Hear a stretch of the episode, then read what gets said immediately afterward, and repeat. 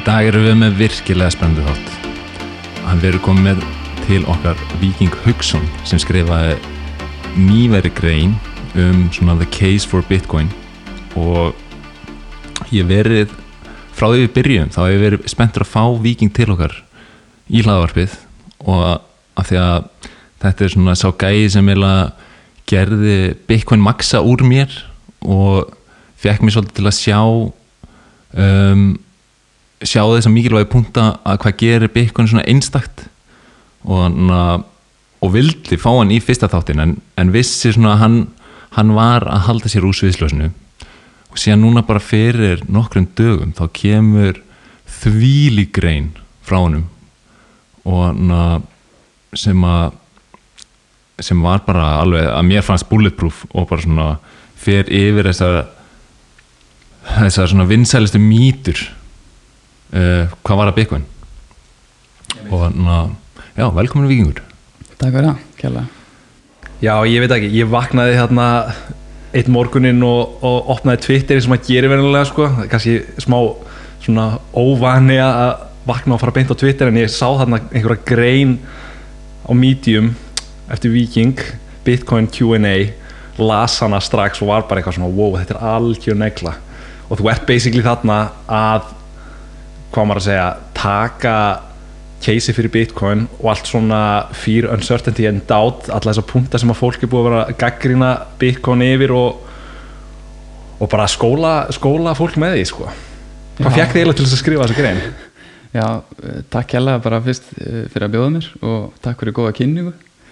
Uh, það sem fengt til að skrifa þessa grein í rauninni bara ég já, búin að sitja á mig kannski smá tíma og svona um daginn svo fekk ég smá frítíma bara ákvaða ákvaða að rumpa sér niður, ég var þreyttur á þessum fréttum sem kom alltaf pop upp aftur og aftur sömu gamlu mítunar sem að bara ég ekki verið auka stiðjast þegar maður kafa dýbra þannig að ég bara ákvaða að sittast niður og skrifa hana í svona freka miklu flíti og, og komin út bara sem vist því ég svona fór að hugsa bara hvað hvað þetta er mikilvæg bylting bara fyrir samfélagi hilsinni og var að hugsa líka bara uh, um daginn bara veist, hvernig veist, við, við þrýr mín spá basically er að við getum ekki við munum ekki geta haft í rauninni meiri áhrif á fólkið í okkar lífi heldur en það að koma því sem fyrst inn í byggun Vá, þetta er mjög góð punktur. Þetta verður, þetta verður það stórt að, að, að öllum líkindum verður ekkert sem við getum gert í framtíðin til að hafa meiri áhrif á þetta fólk sem við bara elskum. Ég... og þetta var svona líka þú veist, svolítið ástæðan okkar fyrir að byrja þetta hlaðvarp var mm. að þú veist, það vantaði svo mikið inn í umræðina þú veist, fyr, fyrir Bitcoin. Hún var svo bálkakeðju miðuð og svona og, og, og svona léleg umræðan í kringum þetta. Algjörlega. Og hana, einstaklingar voru bara pinlitið í sínum einn hortnum og, og bara Já, sem er samt skiljanlegt. Menn vilja, þú veist menn vilja ekkert vera flassaði og mikið skilur að þeir séu í Bitcoin. En Nei. á einhverju tímpunkti þá er maður bara svona þú veist, mm -hmm. þá þarf maður þjón einhverju siðferðisleiri skildu ef engin annar er að taka keflið. Algjörlega, sko. Þegar maður er komið með þessa svakalögu langtíma trú þá bara einhvern veginn maður, maður líður eins og mér sinni bara neittu til þess svona, það væri bara ömulegt að gera ekki þannig að já og, og ertu búin að vera lengi að liggja á þessari skoðun? Þú veist hvað hva ertu búin að vera að, að sísla í, í Bitcoin í langan tíma? Eða svona ég veit ekki hvort það sé kannski spurning sem að maður ákveði endilega að vera að spurja sko. all, allt í góðu sko. Þetta var, ég, ég byrjaði að sísla í kringum síðasta búlurinn hann aðeins 2017 og það var einmitt Ívar sem kynnti mig fyrir þessu þá. Ég, náttúrulega byrjaði eins og flesti bara ég var, var nýjúðsköður og var að byrja nýri vinnu og bara letið þetta meiri þjóta, það hefði engan á þessu? Svo nefndan þetta aftur svo held ég þriðja sinn. Og þá sá ég verðið var að kerast upp líka og vorum í time high hana einhverstaðar og þá náttúrulega fekk ég bara dólarmerkinu auðun og, og ákvaða að jump on til að græða pening sko. En svo það sem að gerist leður maður er invested þá fer maður, maður verður maður neyðist til að kynna sér þetta mm -hmm. af því maður er með pening á þessu og þá svona þegar maður að byrja að fara ofan í þessa, þessa djúpu kanninuhólu og hún er bara basically endalus þú getur alltaf lært eitthvað nýtt. Það er Mhm. alltaf, alltaf nýr svolíkur að poppa upp. Og við erum, við erum bara öll alltaf að læra.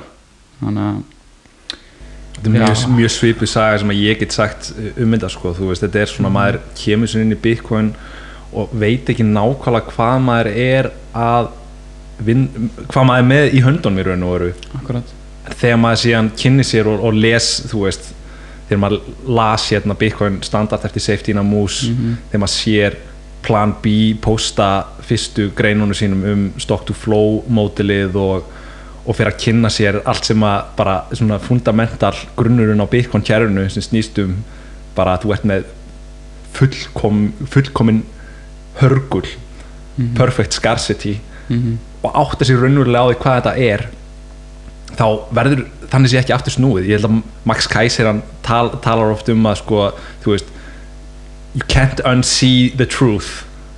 Þú veist, þú, þú sér þú ert búin að sjá sannleikan og það er bara, það er ekki séns. Og hann í Orange Pill podcast um daginn þá tala hann um, þú veist, þú veist eins og bara tökum sem dæmi bara Copernicus sem að finnur að jörðin er ekki miðja alheimsins. Og þegar hann er búin að komast að því með vísundum skiluru, veist, þá getur hann ekki farið tilbaka, það er bara er ekki lifandi séns. Og mér líður þetta allir svona eins með bitcoin, þetta sé bara allir svona ok, maður er búin að sjá hvað kerfið hefur upp á að bjóða og þú, þú, getur ekki farið tilbaka. Nei, akkurat. Og annar góða punktu með hérna varandi gaggrínu svona að hérna það er nú datt alveg úr með hvað ég ætla að segja. En þetta, þetta er góða punktur bara leða, leða maður sér þetta þá er ekki hægt að afsjá þetta. Þú, Og- byr, þú byrjar einmitt greinuna bara því að fjalla um þú veist, hvað er bitcoin og, og þú veist, hvað er peningur í raun og veru. Þannig að þú, veist, þú, þú byrjar greinuna á því að fara bara algjörlega í fundamentalinn, þú veist, af hverju er bitcoin merkilegt og þá þarf maður bara dálítið að fara út í þú veist, þessa, þessa sálmakt, þú veist, hvað, hvað peningur er. Og þú útskýr það bara greiðlega vel með því að tala um hvernig gull gengdi hlutverki harðs penings í 5000 ár Mhm. og fyrir einhverjum, já, í raun og veru á 20. öldinni þá byrjuðu hérna ríkistjórnir heimsins að, hérna, breyta pening í einhvað sem er bara svona pappír og svo er það ekki núna fyrir en fyrir einhverjum 12 árum síðan að 12-13 árum að bitcoin verður til og þá erum við aftur komið með harðan pening sem er orðin harðari peningur en gull Mhm. Þannig að ef maður tekur þess að 5000 ára peningasögu mannkynsins þá er þetta bara svona í hnótskurn Já, þú ferð bara pínliti yfir þetta. Já, er, það var svolítið áhugavert af því að þú varst alveg snöggur. Ég man eftir þessu og, og, og þú veist ég kynnti þig fyrir Bitcoin og, og síðan dettur, hann inn í þetta og ég, na, ég man, ég var með bara svona sérstakt bara svona, ég þyrfti að kynna þér fyrir þessu af því að ég vissi að vini mínir kringum mig tóku marka á þér í öðrum málum.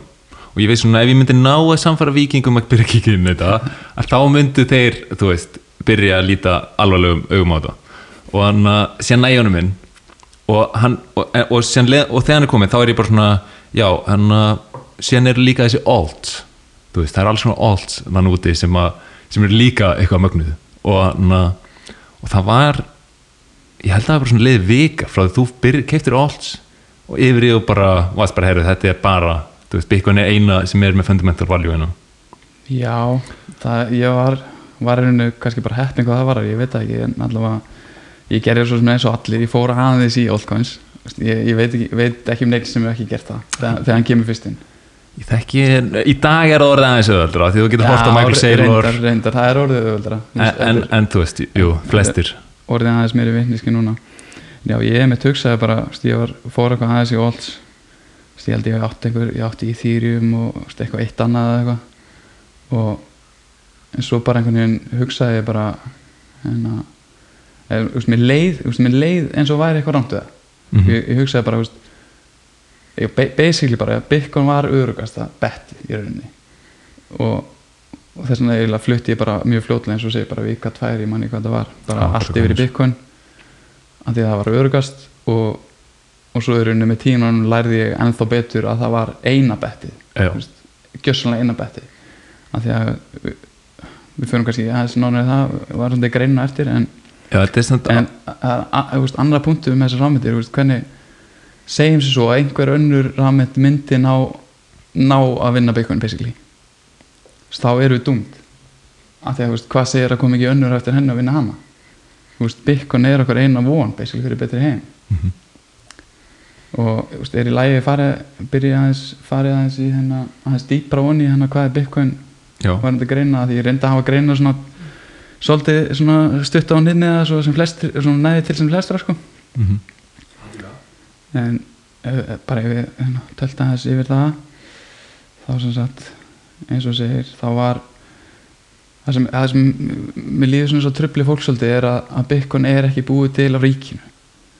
Veist það hugsa þetta er ekki búið til af ríkinu en það getur alltaf virka mér finnst það svona helsta og það er svona oft oft svona pínu blokkar fyrir fólk. Einmitt. en ef maður skoða peningur sem er mannkins þá hefur verið peningur bara í 20.000 ára 25.000 ára manna ekki alveg en allavega sem hefur ekki verið búin til að ríkinu og peningur er í rauninni valinn í genum, í genum söguna á frjálsum markaði út frá að mínum að þið fimm eiginleikum sem eru deilanleiki færanleiki þekkjanleiki ending og sjálfgemni deilanleiki sem sagt að það sé þetta skipta honum niður vel borga fyrir minni eða svona ódýrar hluti með honum færanleiki að hann færist auðvöldlega á milli staða.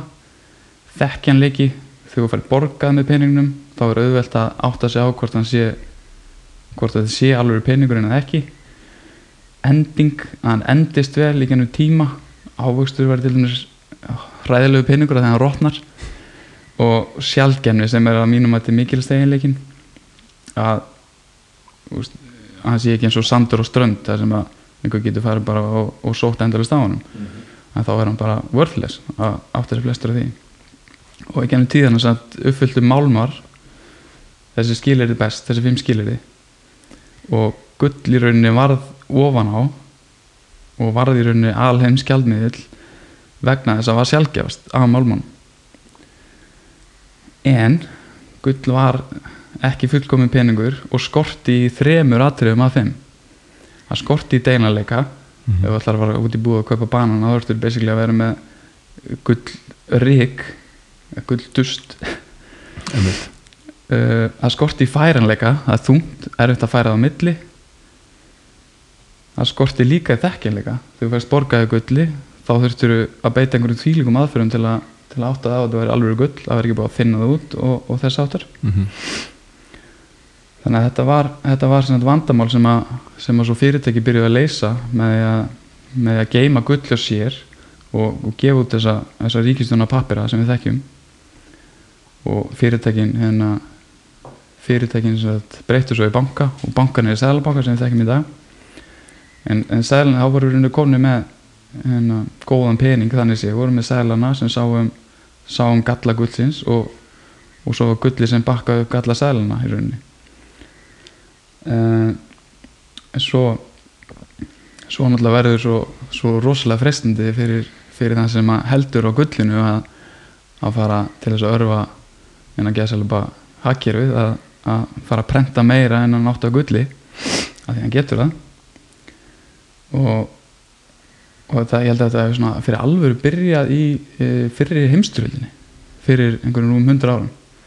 Þá basically þá byrjuðu hérna bara flest allar þjóðir að prenta prenta meira en átt og gulli til þess að bara fjármanna stríðið og ég held að sko, breytar og, og þjóðverjar peningamæmi umferð þar sko meir en tífaldæðist eða eitthvað bara okkur fárunlega stundum tíma Mhm.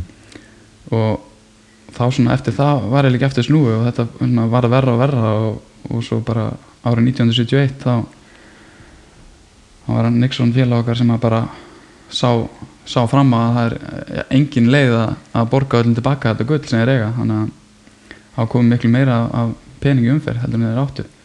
Þannig að þeir bara brutu brutu þá gullfótinn. gullfótinn akkurat.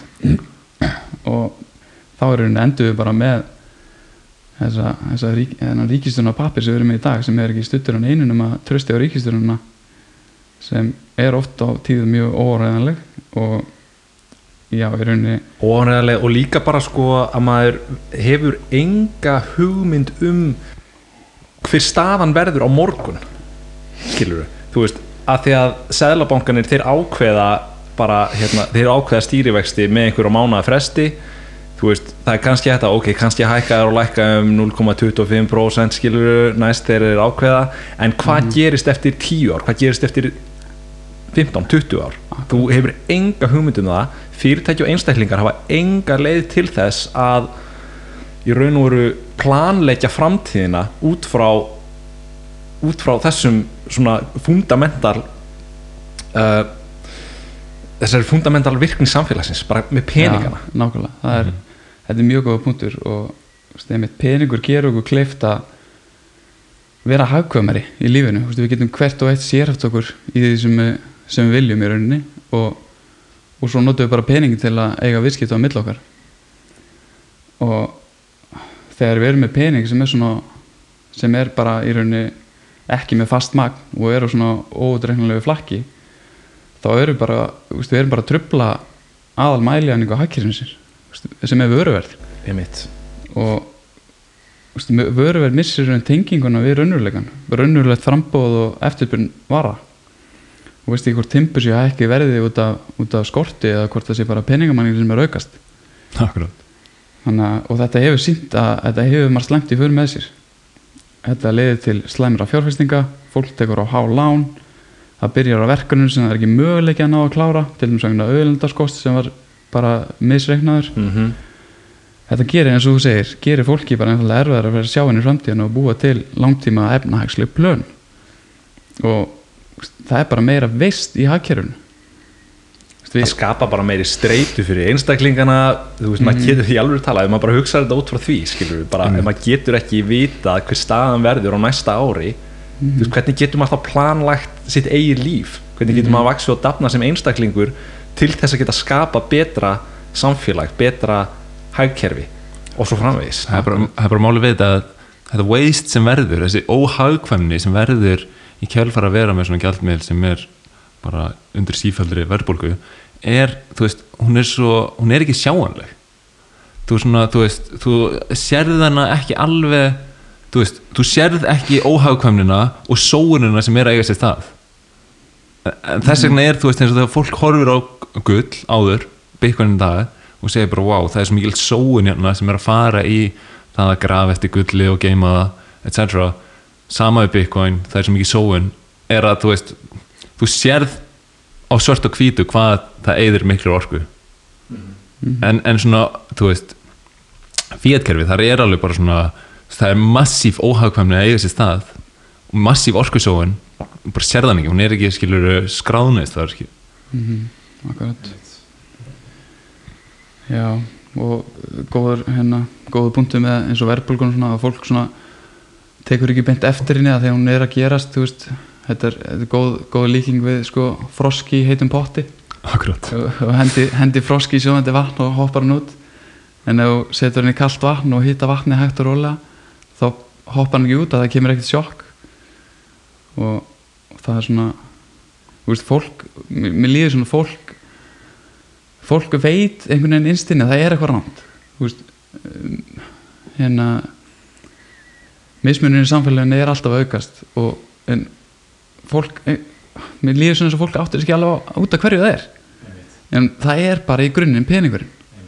Bara 100% þú fer pínulítið inn á þetta þegar þú ert að tala um hérna, sem sagt, Cantillon effekt algjörlega. Sem er náttúrulega bara uh, sko ef maður tekur bara peningaprentun þú tekur hérna seðlbankunni þeir prent út pening og þeir sem að fá aðgang að peningnum fyrst eru þeir sem eru efnameiri. Þess að venjuleg manneskja út í bæ hefur ekki jafn mikinn aðgang að peningunum og þeir sem eru efnameiri og þess vegna eru þeir efnameiri að sanga að sér ódýru lánsfíi í raun og veru á ódýrum vöxtum. Og hvað gerist? Þeir setja þann pening ekki inn á bankabók. Þeir fjárfesta í hlutabrjöfum þeir fjárfesta í fasteignum þeir fjárfesta í einhverju sem að hefur sem er hörgult í raun og veru. Eitthvað sem er fágætt og sjálfgæft Mhm. það er ekki til endalust af fastegnum það er ekki til endalust af hlutabrifum þess vegna sjáum við þessi, þessa eigna flokka og hráurur sömuleiðis og bitcoin rísa í verði. Mhm. og þetta er uh, þetta er, mér finnst þetta svona aðal mér finnst þetta svona mikilvægsta vandamáli sem Bitcoin er að fara að leysa. Það er bara, þú veist, ég meina ég veit ekki hvað er, helmingu jarðabúða hel, meir en helmingu jarðabúða, bara býr við fátækt. Og veist, hefur ekki getur ekki keft sér þessar eignir. Veist, það verður að treysta á peningin sem verðmæntagemslu og þú veist, það er miljardur yfir miljardur mann sem að lifi við sko tveggja eða þryggjast af að verðbólgu þetta fólk á ekki breyk. Nei, það lifir bara dag fyrir dag og er algjörlega hérna maður að segja. Það er algjörlega undir stjórn, stjórnvalda. Veist, það, það, það, það bara það, það lifir bara dag fyrir dag og, og, og verður að fara eftir því sem að stjórnvöld segja og gera. Algjörlega. Og úst, bara, maður tekur eða bara undir með honum uh, Robert Breedlove. Að úst, þetta er bara píramidasvindl basically, það er verið að það er verið að stela peningum af fátakasta fólki heims og ítundi rassin á þessum eiga eitthvað. Nú þegar. Og þetta er er ekkert annað en Nei. og þú veist, þegar maður þú veist, þegar maður er fastur í, í, í sko í, í daily life og ég er ekki að hugsa um þessu hluti þá er þetta svo eðlilegt, veist, þetta er bara lífið manns bla bla bla, en ef maður zoomar út og þú veist, ég, þú veist, ef maður, maður mun horfa tilbaka á hana tíma eftir 50-100 ár veist, þetta verður bara, þetta áttur að vera bara hörmulegt að bara pæli í að, því sjá, að að, sjá þetta, að sjá þetta svona betur. Þetta er, meina, þetta er bara alveg eins og bitcoin er í veldisvexti upp í virði þá er peningaprentun sumu leiðis í hinnu hefðbundna valdabóð stjaldmiðla kerfi mm, í valdavexti. Já. Akkurat. Þetta er svo því að þetta kemur, að- þetta er fyrst það sem poppar upp í hugunum fólki er Bitcoin, já, er það ekki pyramidsvindl þú veist af því að Nei, þetta er bara nýtt kerfi þetta er bara nýtt kerfi sem að enginn hefur veist, reynslu af fyrir árið 2009 já, þetta er svona, svona blockchain technology skiluru og fólk er að græða á þessu og tapa peningum og auðvitað kemur þessu hugmynd upp í hausinu veist, ok, er ég að fara að setja peningin minn í þetta kerfi? Þú veist, ég veit að það er til svo mikið svindli í þessum heimi af hverju ætti ég að treysta þessu? Og þú, mm. þú fjallar um þetta í greininni mm er Bitcoin pyramidisvindl -hmm. og hérna ég ætla bara að lesa upp kvótirna sem á skrifar að því finnst það að vera daldi gott. Og þú skrifar sko, vissulega hafa einhverjir hagnast á því að hafa byrjað snemma að nota kerfið. En því má ekki ruggla saman við það hvernig kerfið sjálft er uppsett. Því svo staðreind á hreinlega við um allar nýjungar í heiminum. Sem sagt að það er einhverju sem að græða á undan því fyrr sem maður tilenga sér þær því meiri áhættu seturu í verkefni fyrir vikið. Og því líklegra er að maður hagnist á því. Þetta er bara, þú veist, ef þú keiftir hlutabrif í Amazon fyrir árið 2000 þá grættir þú meira á því. En þú varst vissulega að taka miklu meiri áhættu heldur en ef þú væri að kaupa hlutabrif í Amazon í dag. Þannig að þetta er, þetta er bara spurning um áhættu og þeir sem að tóku mestu áhættuna eru þeir sem að settu peningi bitcoin þegar að það er þú veist, 2010, 11, 12 þetta var allt mjög óljóst. Algjörlega ólast og fólk vissi bara miklu miklu minna um hvað bitcoin kerfi var í raun og veru. Þetta var bara svona proof of work, nei na, ekki proof of work ég ætla að segja, ég ætla að svona proof of concept. Maður skilur samt hvaðan fólk er að koma því að þú veist, þú ert að segja, keipti bitcoin og, og eftir, þú veist, tíma þá myndu kaupmátturinn í bitcoinum aukast. Og þá, er, þá hugsa fólk bara, ok, þannig fyrir það alltaf gerast, þá þarf þú að selja bitcoinin til einhver sem veit ekki betur og bara, og, og hagnast þannig á því. En þetta er svolítið svona við höfum aldrei lært peningasögu út frá fyrstu lögmálum. Og það er svo, það er eiginlega main parturinn að fólk skilur ekki af hverju gull var peningur. Ég minnst að tala við hagfræðinga á Twitter sem þeir skilja ekki hverju gull Nei. þú veist, er verðmætt og þeir halda að sé út á notakildinu A -a og þeir halda að þú veist guldsi verðmæta því að það er notað í skarkripi og yðnað og eitthvað sem er náttúrulega bara algjör, algjör þvæla og bara á engin stóð í ef þú hugsaður þetta út frá fyrstu lögmanu þá bara er það verra fyrir gull að vera notað í yðnað eða skarkripi. Ég held, einmitt, þetta er mjög góð punktur. Ég held að, ég held að sé einhver 10%, 10% samt af, af markast hluteld gulli sem að fer í yðnað 90% er bara moni, svo kallega monetary premium sem að er 100% í byggjum tilfelli. En þetta er, þetta er náttúrulega mjög, mjög góða punktur að okkur, okkur var aldrei kent hvað peningur er. Aldrei? Og það er rauninni partur af þessum pínu heila þótti sko. En hérna þetta er spurningin þú veist, sem að fólk þarf að spyrja sig hvað er peningur? Leið og að spyrja þessar spurninga og fer að finna svörin þá finnur það byggkun veist, það er bara, það er óumflýjanlegt. Þannig að bara endilega spyrja ykkur hvað er peningur, farið á kottan í kvöld og, og reyna að pæla hans í þessu. Krakkar, þeir eru hérna kannski með forskot á sem full, þeir sem að fullornir eru að þeir fá alltaf að heyra sko, peningar vaksi ekki á trjám sem er svo sannlega satt.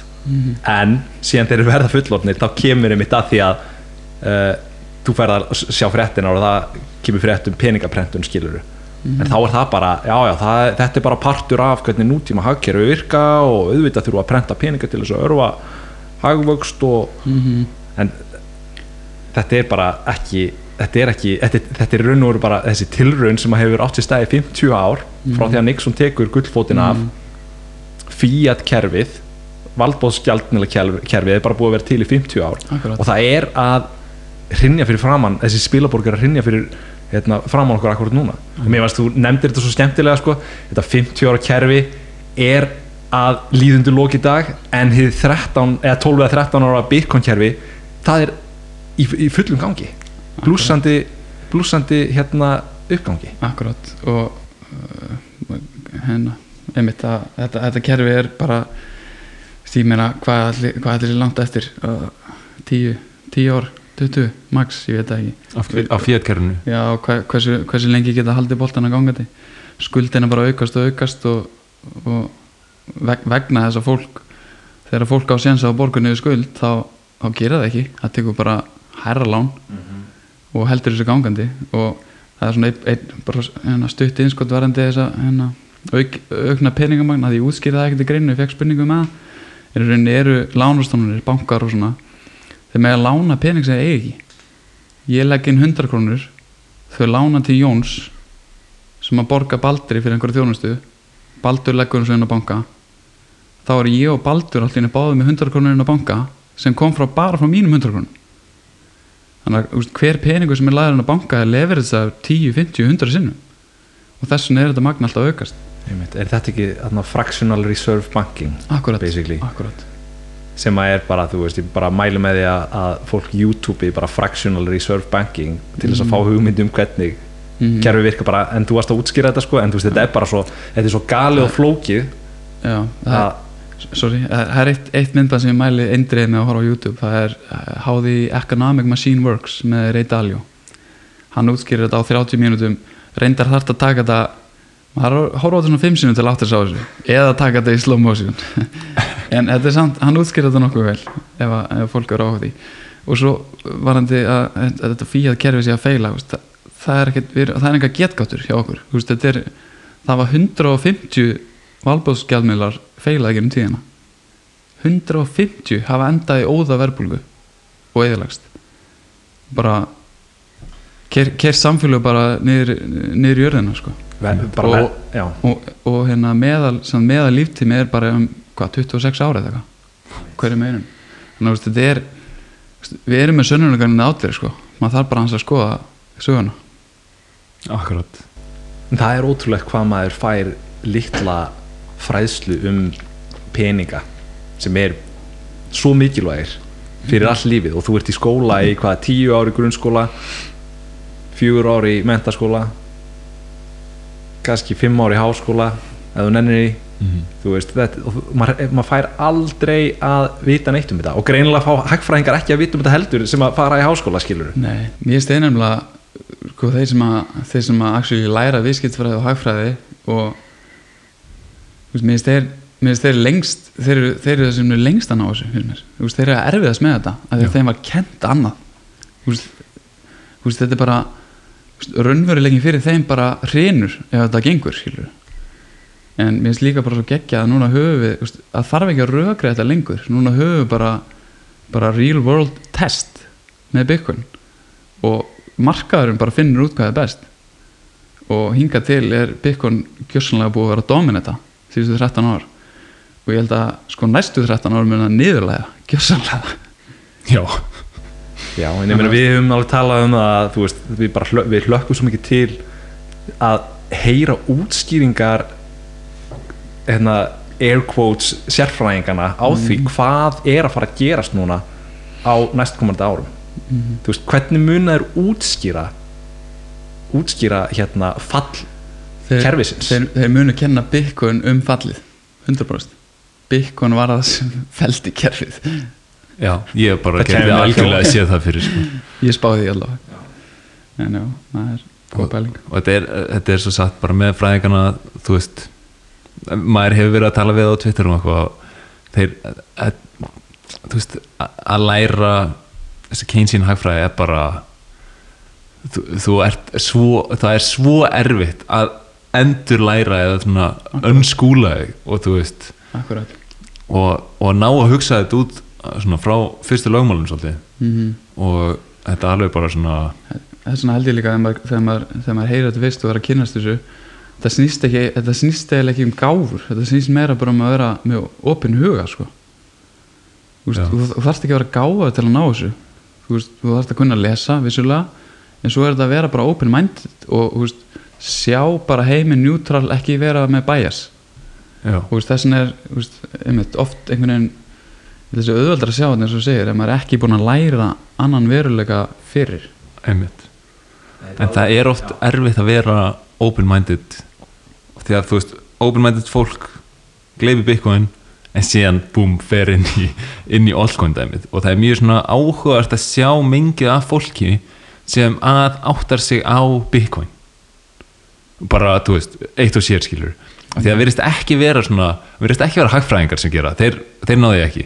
Og þeir myndu frekar fara í einhvað eins og altcoin af því að það fyttar meira enn þeirra raunveruleika að hafa verðbólgu og, og svona svo- miðstyringu og, en, en, en síðan er það líka eins og maður hefði haldið kannski já, tækni þú veist, frætt fólk ætti auðveldara með þetta.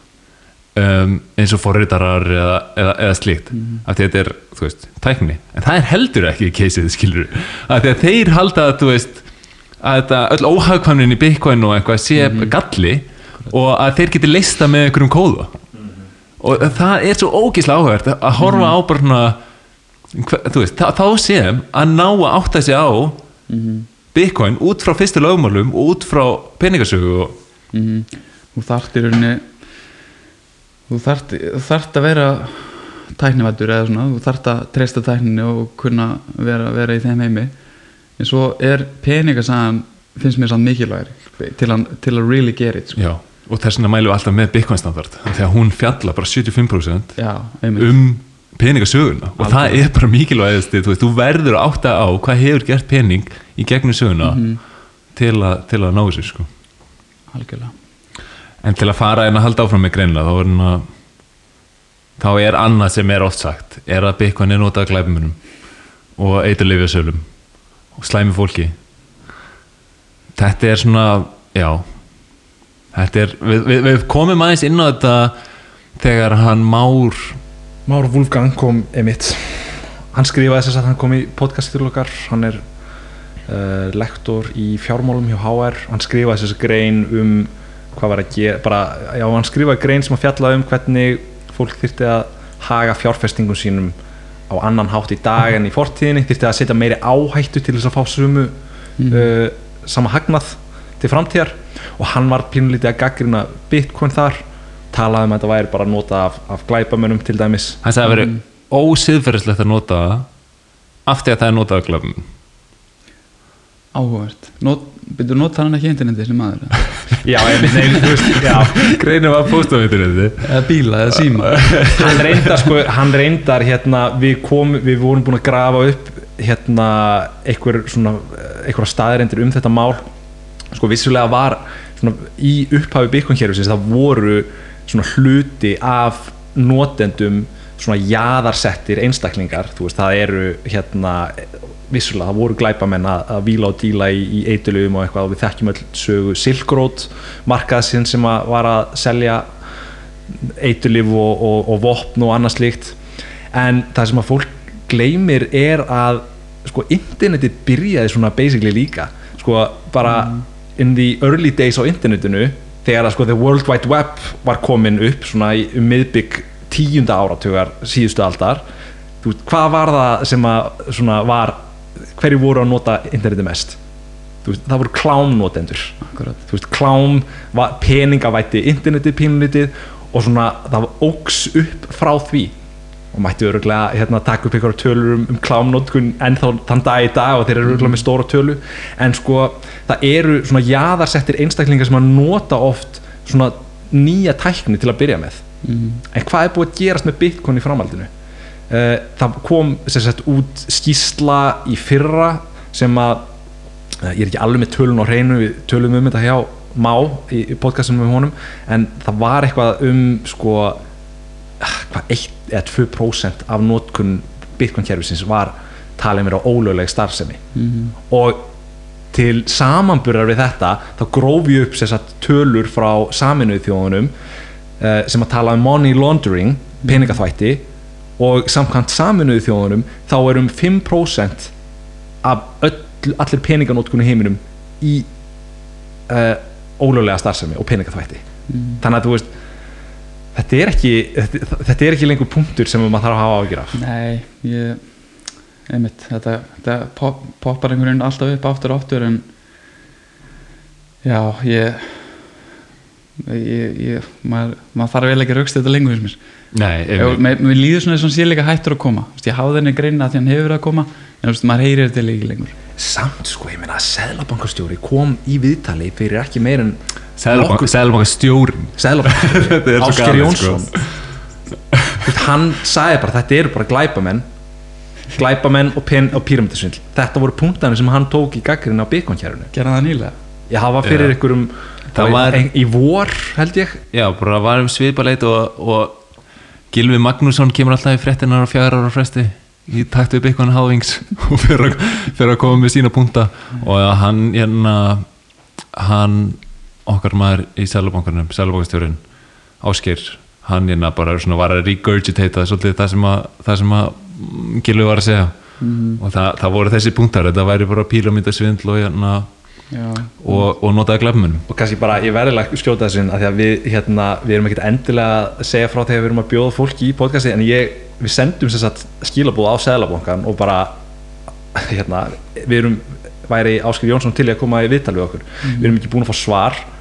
En bara nota beni sko, hann, Áskil Jóns, Jónsson hann fór í viðtal í podcasti hjá, hjá uh, Steinda Junior Gilsinniger og, og hérna Auta Mhm. bara núna fyrir nokkur viku síðan.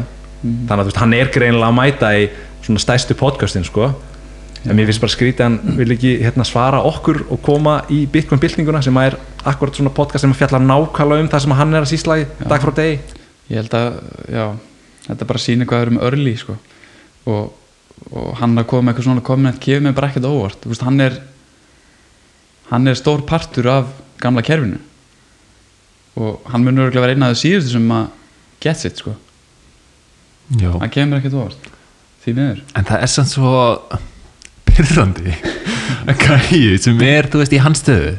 Og, og þú veist sé ekki að kynna sér þetta betur en bara að glimsa yfir nótunar hjá Gilva þú veist, hann sé ekki aðeins að kafa dýbra heldur en bara svona yfirborskendar einhverja fréttagreinar ég held bara að hann hafi nóg að gera að reyna að halda þessu, þessu gamla kerfi sem er að hrunni komið gangandi. Ég held að hann hafi bara ekki tíma í að, að kafa djúpt. Af því þetta er, þetta er ekki þetta er ekki einfalt að kafa í þetta og veist, þetta tekur tíma.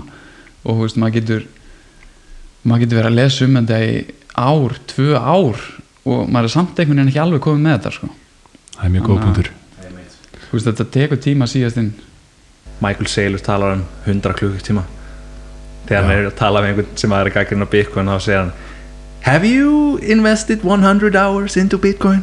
Þú veist, hann er alveg bara Já, ég Já, myndi, þetta segja að það alveg- væri algjört lágmark Það er algjört lágmark. algjört lágmark Já. sko. Já Og stundum, maður er búin að vera í þessu mörg ára, maður er svona ég veit ekki, maður finnst þetta að vera svolítið gefið en auðvitað er það ekki. Þetta er alveg, þú veist þetta er mikið efni sem maður þarf að kofura til að til að byrja að ná grundvallar, grundvallar atriðunum Já, þetta eru, þetta eru, þetta eru margar hliðar sko.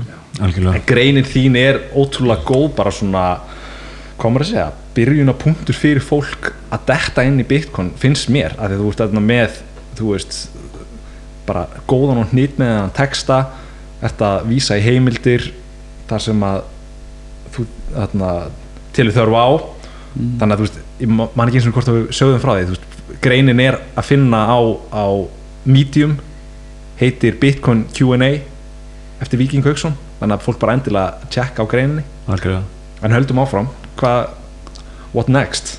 tökum hérna orku orkumálin. Við tókum þáttum orkumálin um daginn. Já, bara hérna- síðasti þáttur. Já, ok. Og, og þetta er náttúrulega bara svona mjög stór stórt atrið í þessu. Og ég, mm. svo sem ég hef talið muni verða svona stæsta fötið um, bara á næstu árum mm ve- vera orkumál sko. Og þannig að og, og flókin umræða, þetta er alveg veist, þetta er alveg alltaf gömul umræða bara hvort að, einmitt þú eigir að eigða orku í harðan pening mm þegar þú getur, þú veist, sleppti og vera með papírspenning já akkurat. Þetta er, þetta er einmitt búið að vera mikið í umræðinu bara með hérna, Elon Musk og eitthvað svona undanfanna mánuði. Einmitt, en já, ef ekki, ef ekki rúla bara hans yfir jú, þú veist en að maður svona heyrir ofta já, veist, ef þetta heldur áfram að vaksa eins og þetta er að gera þá mun þetta vera búið að klára allt raman heimsins bara 2023 eða eitthvað. Þetta eru fyrirsagnir já, en þá fyrsti punkturinn bara ramags í heiminum það er ekki endalegt. Og við komum kannski aðeins betur á því hvað er endalegt í heiminum en það er, það er bara bitcoin og tíminn sjálfur. Allar allar aðlar og það verður að vera, það er tíminn sjálfur og svo verður að vera digitala því að allar jarneskar auðlindir það snúast bara um tíman sem það tekur að, að grafa upp í jörðinni. Ef við getum látið alla fara að grafa gull á morgun þá myndi magnið bara þvílíkt aukast. En eh, tökum þetta þetta er hérna sæðstepp, tökum við betur eftir kannski. Uh, en já, magnamaks í heiminum er ekki endalegt eh, það, er, það er ekki fara að klárast. Og hérna og Bitcoin nota eins og að er að nota hvað allavega meirinn helmingu núna er endur nýjanlega orka sólorka, vindorka, vassorka sem að, þú veist, er orka sem að er bara, veist, þú getur núna að fara út í eðumörk og bestla orku sem að væri annars ekki nýtt og, og búið til harðan pening úr því sem að bara hefur raunverulegt valjú og, og svo er þetta einmitt hérna, þetta er eins, þú komst með hann punktana eftir henni byrjun að, veist, Bitcoin er svo það er svo ótrúlega mælanlegt hvað þetta var þar það er svo auðvelt að benda á töluna. Þetta er talan, veist, þetta er hræðilegt. Já, þetta- já. og koma með samanburinn þú veist, þetta er bara sama orkun og svíþjóðar að nota. Já, einmitt, þetta er svo, þetta er svo, þetta er svo auðve, auðvelda fyrir sannir en þegar maður skoðar bara bankakerfið og þetta er miklu erfiðar að meta þetta í bankakerfinu. Þú veist, að taka alla byggingarnar allt starfsfólkið. Þú veist, þú veist að taka bandriki hér inn í myndina basically, veist, hvað er að tryggja virði, virði valbós gjaldmeilina ef það er ekki hér mhm. og, og hversu miklu orku notar hann? Ég myndi, ég myndi halda áfram þannig að þú veist, þú nefnir bankakerfið vissulega, og þú veist um, tö- tökum bara bara svona bankakerfið ATMs og allt svona það dæmi, en síðan líka bara taka fjármála bara, þú veist kerfið sem er í gangi bara mannaflin sem fer í það að reyna að halda kaupmætti fólks og bara svona öll orkan og allir tíminn sem fer í það er gigantist. Sem er einingis út af því að peningurinn heldur ekki í kaupmætti og þannig að þú veist það, þetta er ekki mælulegt en þetta er augljóslega bara svona huge og ástæðan fyrir kallan Bitcoin, uh, Parker Lewis mjög góða grein um þetta sem er bara Bitcoin er svona the great definancialization. Þetta myndir svona frelsa svo mikið tíma þú veist, fólks til að gera eitthvað sem er actually bara svona verðmætt skiluru um, og ekki að þurfa að vera svona mikið bara að, einmitt, reyna að halda kaupmætti fólks. Mjög góð punktur sko svo líka varandi, varandi hérna, fólk er ofta með þetta við sko færslur innan kerfisins. Veist, já, bara færslunar þú veist, til að stiðja allan heiminn þá er þetta, að höndla þetta marga færslur og þá vex bara hérna rammarsnókunin línulega með því. Veist, það er bara ekki rétt. Rammarsnókunin fer í að tryggja keðjuna sjálfa, tryggja kerfið í heilsinni rammarsnókunin vex ekki með fjölda færsla Nei, og síðan er sagt sko, síðan er sagt já, hvernig, þú veist, þetta er óhagkvæmt að því að hver færsla notar svona mikið rafmagn sem er gjörsamlega galið. Af því að þá ert ekki átt að á af hverju það er verið að nýta rafmagn í það að grafa eftir byggvinn að það er ekki, þú veist það er ekki beint að hérna, þú ert að eigða svona miklu rafmagni í að prosessa þess að millivæslu þú veist, ómiðstýrt. Það er að það er svona mikið rafmagn að keppast við að reyna að ná þessum byggvinnum sem eru bara í endanlegu magni. Mm. og úst, þetta er bara, bara frjálsmarkaður það er, er, er, er ekki þetta stjórnur þú bara, markaðurinn bara gera það sem hann honum sýnist í rauninni og, og það er þetta er ekki slemtur umhverfið. Það er, það er í rauninni búndurinn mm -hmm. uh, svo er svo annar en að loka búndurinn sem ég lauma með hvað þessa, hvað þessa umröða varðar. Uh, ég har reyndar áðurinn fyrir hann ég ætla að nefna eitt en að það er líka ef maður sér ekki ef maður hefur ekki kynnt sér Bitcoin og sér ekki value Bitcoin í heiminum þá náttúrulega er auðvelt að segja að þetta er bara waste. Veist, allt rama, hvort sem endur nýja internet eða hvað, þetta er bara waste þetta hefur ekki value fyrir heimin en þegar, maður, þegar maður sér að þetta hefur bara mesta value fyrir heimin bara síðan internet góð með ekki meira þá þetta mætti, mætti bara nota mun meiri orku sko. Það, það er worth it. Nei, að því við erum að tala um peningakerfi sem að getur þjónað öllu mannkynnu á mjög hagkvæman hátt án þess að og, og einstaklingar geta stunda viðskipti án þess að þriði aðri kemur inn á milli og við fjöllum um þetta pínulítið í síðasta þætti að veist, það er oft sem að við uh, þeir sem að eru búi, búum í hérna, ríkum löndum í hennum fyrsta heimi við erum bara svo vön kerfum sem að virka bara ágætlega fyrir okkur mm. en það er ekki fyrir að maður fyrir að skoða hvað er að gerast í hennu þriðja heimi. Mm. og þú, þú nefndir vikingur tölur um það er helmingur mannkynsin sem er bara lifir í fátækt. Og þessar þjóðir er að lifa ofta tíðum undir hérna einhverjum undraföldum já bara einhverjum svona totalitarian stjórnvöldum sem að uh, loka jafnvel á bankareikninga hjá fólki ef að þú segir eitthvað vittlust þetta, þetta er bara ekki nútímanum boðlegt mm. við erum bara komin hérna á 2001. öldina og, og þetta er tóli sem að mun veist, þetta er bara eins og þau voru að tala um hvernig, hvernig bankakerfið er óskilvirt ég fór bara að hugsa, veist, þetta er bara svipað sem er að gerast núna og gerðist á 19. öldinni þegar yðnbildingin byrjaði skilur þú veist allt í einu var byrjað að finna upp tæki sem að auðvelda vinnu og fólk sem var út á ögrum og fólk sem var að veist sauma fött bara með höndunum veist allt í einu voru bara komin að vela sem að gera þetta miklu betur. Fólk gætt eitt sinu tíma í að gera það sem það vildi. Mm. góða punktur. Bara pæling. Og lo loka punktur eins og hvað hérna, umhverfismálinn var þar sem ég hafi greinni Uh, ekki beint að ramásnótkun eða meira svona bankakerri sem við um í dag vegna þessar sífælisvaksandi peningamagsin umferð sem við erum búin að tala um þá heldur virði sparnar sér ekki með tímanum. Þú getur ekki geimt peningin á bankabók og ætlast til að hann haldi virði sínu til lengri tíma. Og hvað gera það jú þú ferð að þú ferð að sko meta nútíðina mun meirinn framtíðana og þetta er rauninni ítið bara undir neistluki þú vilt bara eða peningunum sem fyrst fá sem mest fyrir peningin og þannig að missi virði. Og það er enginn að segja mér að neistluki sé góð fyrir umhverju og það er enginn að segja mér að við getum list umhverju svona heimsins hvað sem enn trúaði hans er raunverulega ekki í svona gölluðu kerfi sem að ítir undir neysluveiki það meikar enga sens. Þannig að eh, Bitcoin er, Bitcoin er að fara að leysa það basically fyrir okkur. Bitcoin fixes this eins og að segja. Af því að, af því að virði, virði sem að, það er sem að deflationary currency og virðið x með tímanum. Og ég, ég finna bara sjálfur eftir ég byrjaði, byrjaði í þessum heimi að kynna mér hann heima þú bara, þú metur framtíðana mun meira heldur en nútíðana og veist, það þetta var fyrsta sinn sem ég actually byrjaði að spara á æfinni eftir ég kynntir nú og, og ítti undir bara fáranlega nægjusemi sem er góð fyrir umhverfið virkilega góð. Og hagkerfið. Þannig að þetta er svona punktur þetta er svona aðeins óljósari punktur sem að sem að menn átt sig á. Já, mér finnst það mjög mikilvæg punktur og við snertum bara rétt á þessi endan á síðasta þætti.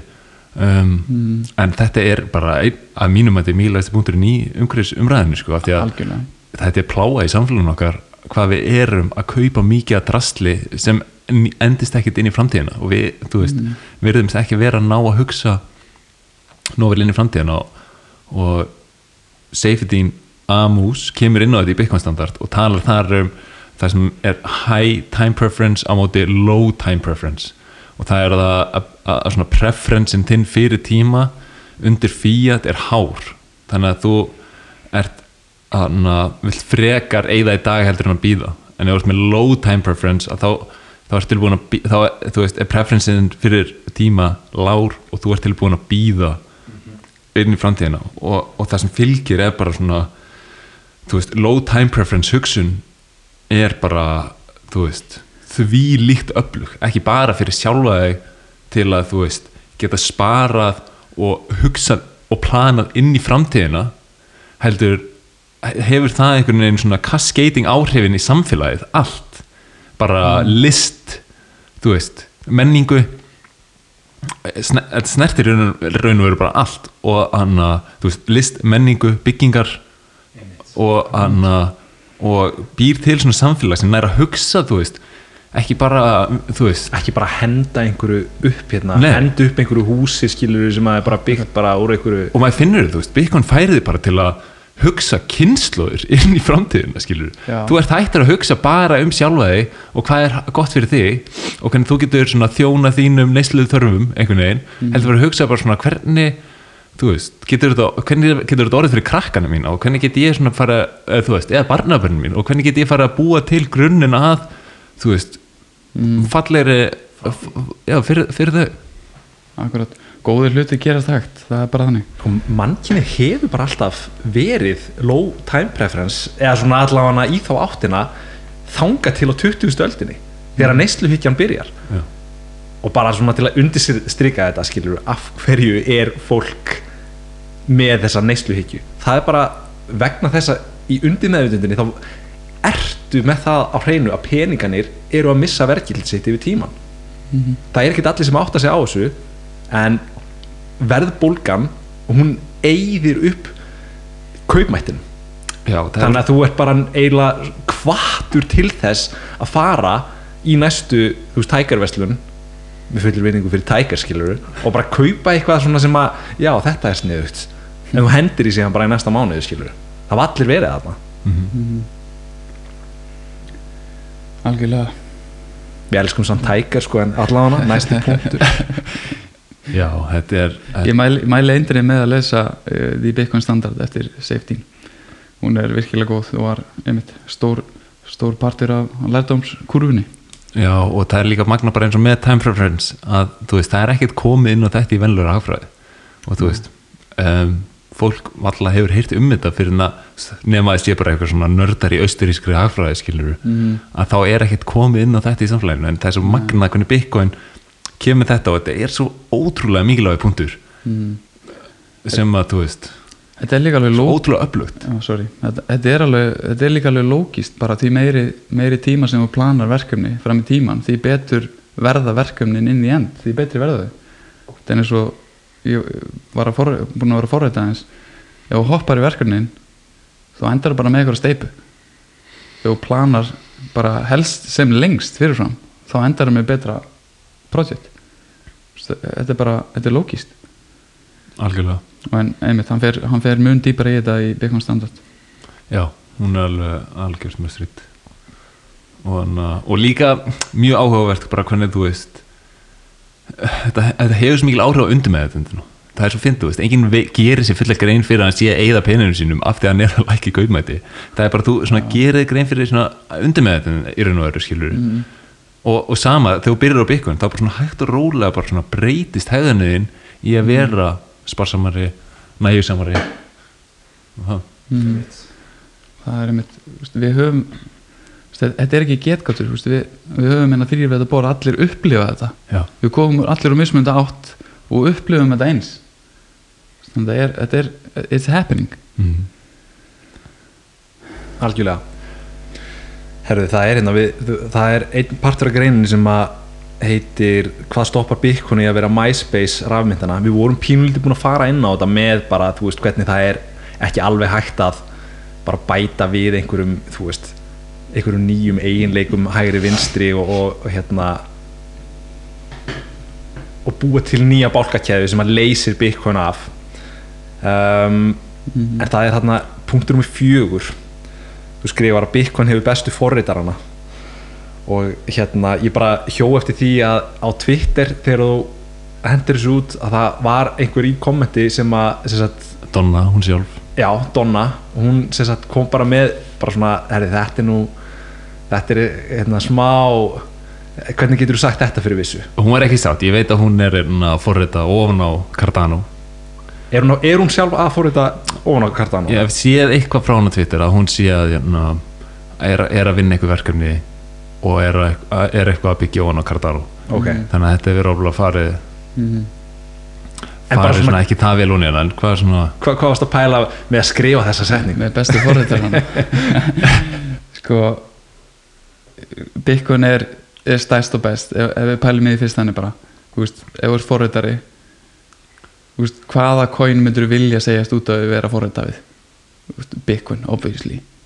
Þannig að það er, það er hætt við því að þeir sem að get, geta bara í rauninni ekki þeir, fari yfir í, yfir í síkvönin en svo er þetta líka bara þú veist, Bitcoin kom ekki upp úr þurru.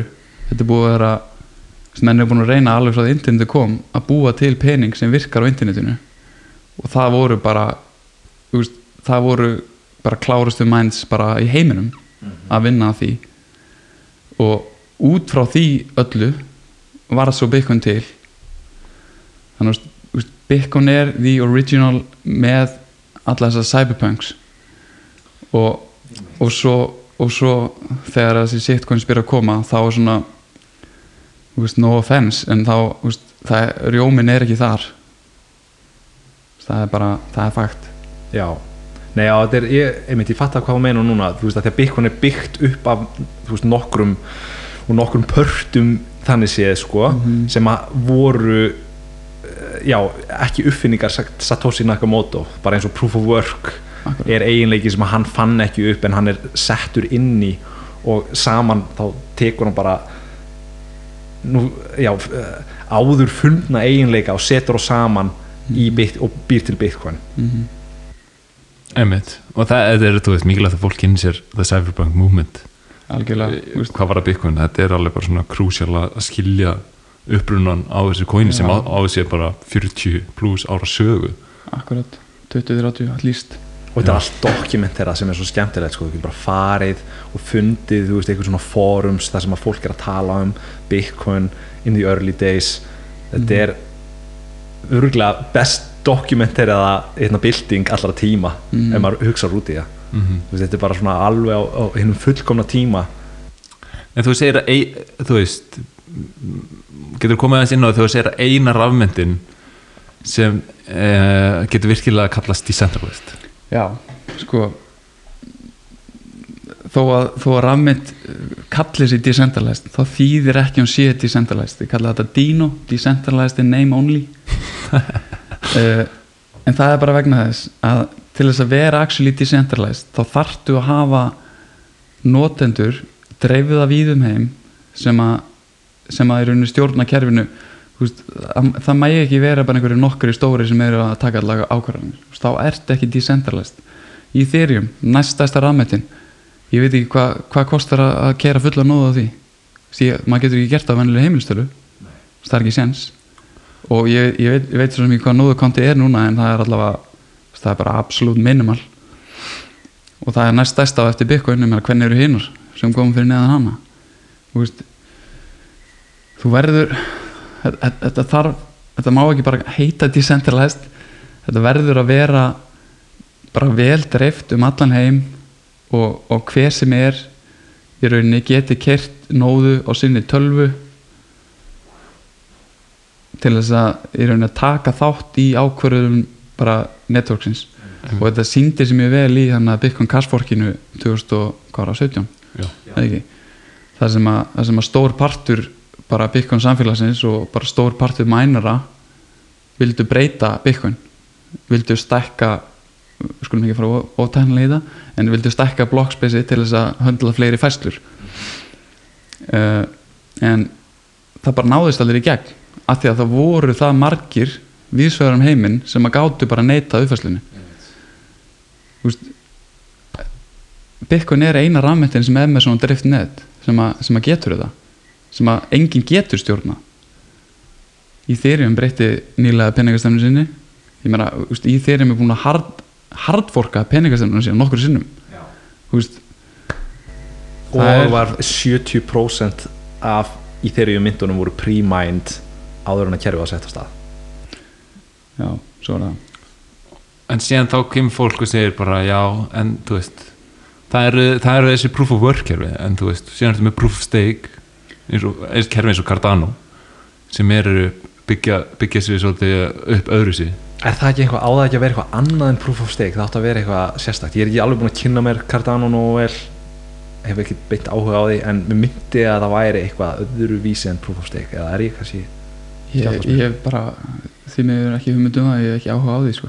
en proof of stake allavega veit ég er bara þetta er bara eins og kerfið sem við höfum í dag þeir sem eiga mest stjórna mestu. Það, það getur alltaf kallast decentralized. Og þetta er það sem að Ethereum er að stefna, stefna að. Og mér finnst- þetta, þetta, er svo, þetta er svo mikið að fókusa um einhverja tækni. Proof of work, proof of stake einhver svona buzzword. Þegar vandamáli er í rauninni miklu veist, við erum að leysa bara peninga vandamál heimsins við erum að leysa leysa þetta central banking fjasko sem búið er í gangi. Og Bitcoin er okkur eina von hvað það varðar. Já, og þú veist, allt annað er bara noise. Þú veist allavega alla í mínum huga. Nei, ég er algjörlega sammála því. Einn punkt sem ég reyna að skjó, svona, hamra á fólk er bara er þetta vandamál sem að Satoshi nefnir bara í byrjun á, á whitepaperinu og það er það að hann ætlar að leysa það sem kallast the double spending problem. Líka kallað Byzantine's generalist problem. Og, og Bitcoin er eina kerfið í dag sem við þekkjum sem getur leyst þetta mál, vandamál. Að þú getur sem sagt mm. ekki, ekki skilur með ómiðstyrum hætti við erum í kerfi sem getur þig um að færslan sem þú ert að fá getur ekki verið send eitthvað annað líka Mm. og að þú veist, þessi proof of stake kerfi þau leysa ekki það vandamál heldur bara svona, þú veist þú, Mm. þú þarft alltaf að leggja tröstitt að, að þú veist, steikurunum Mm.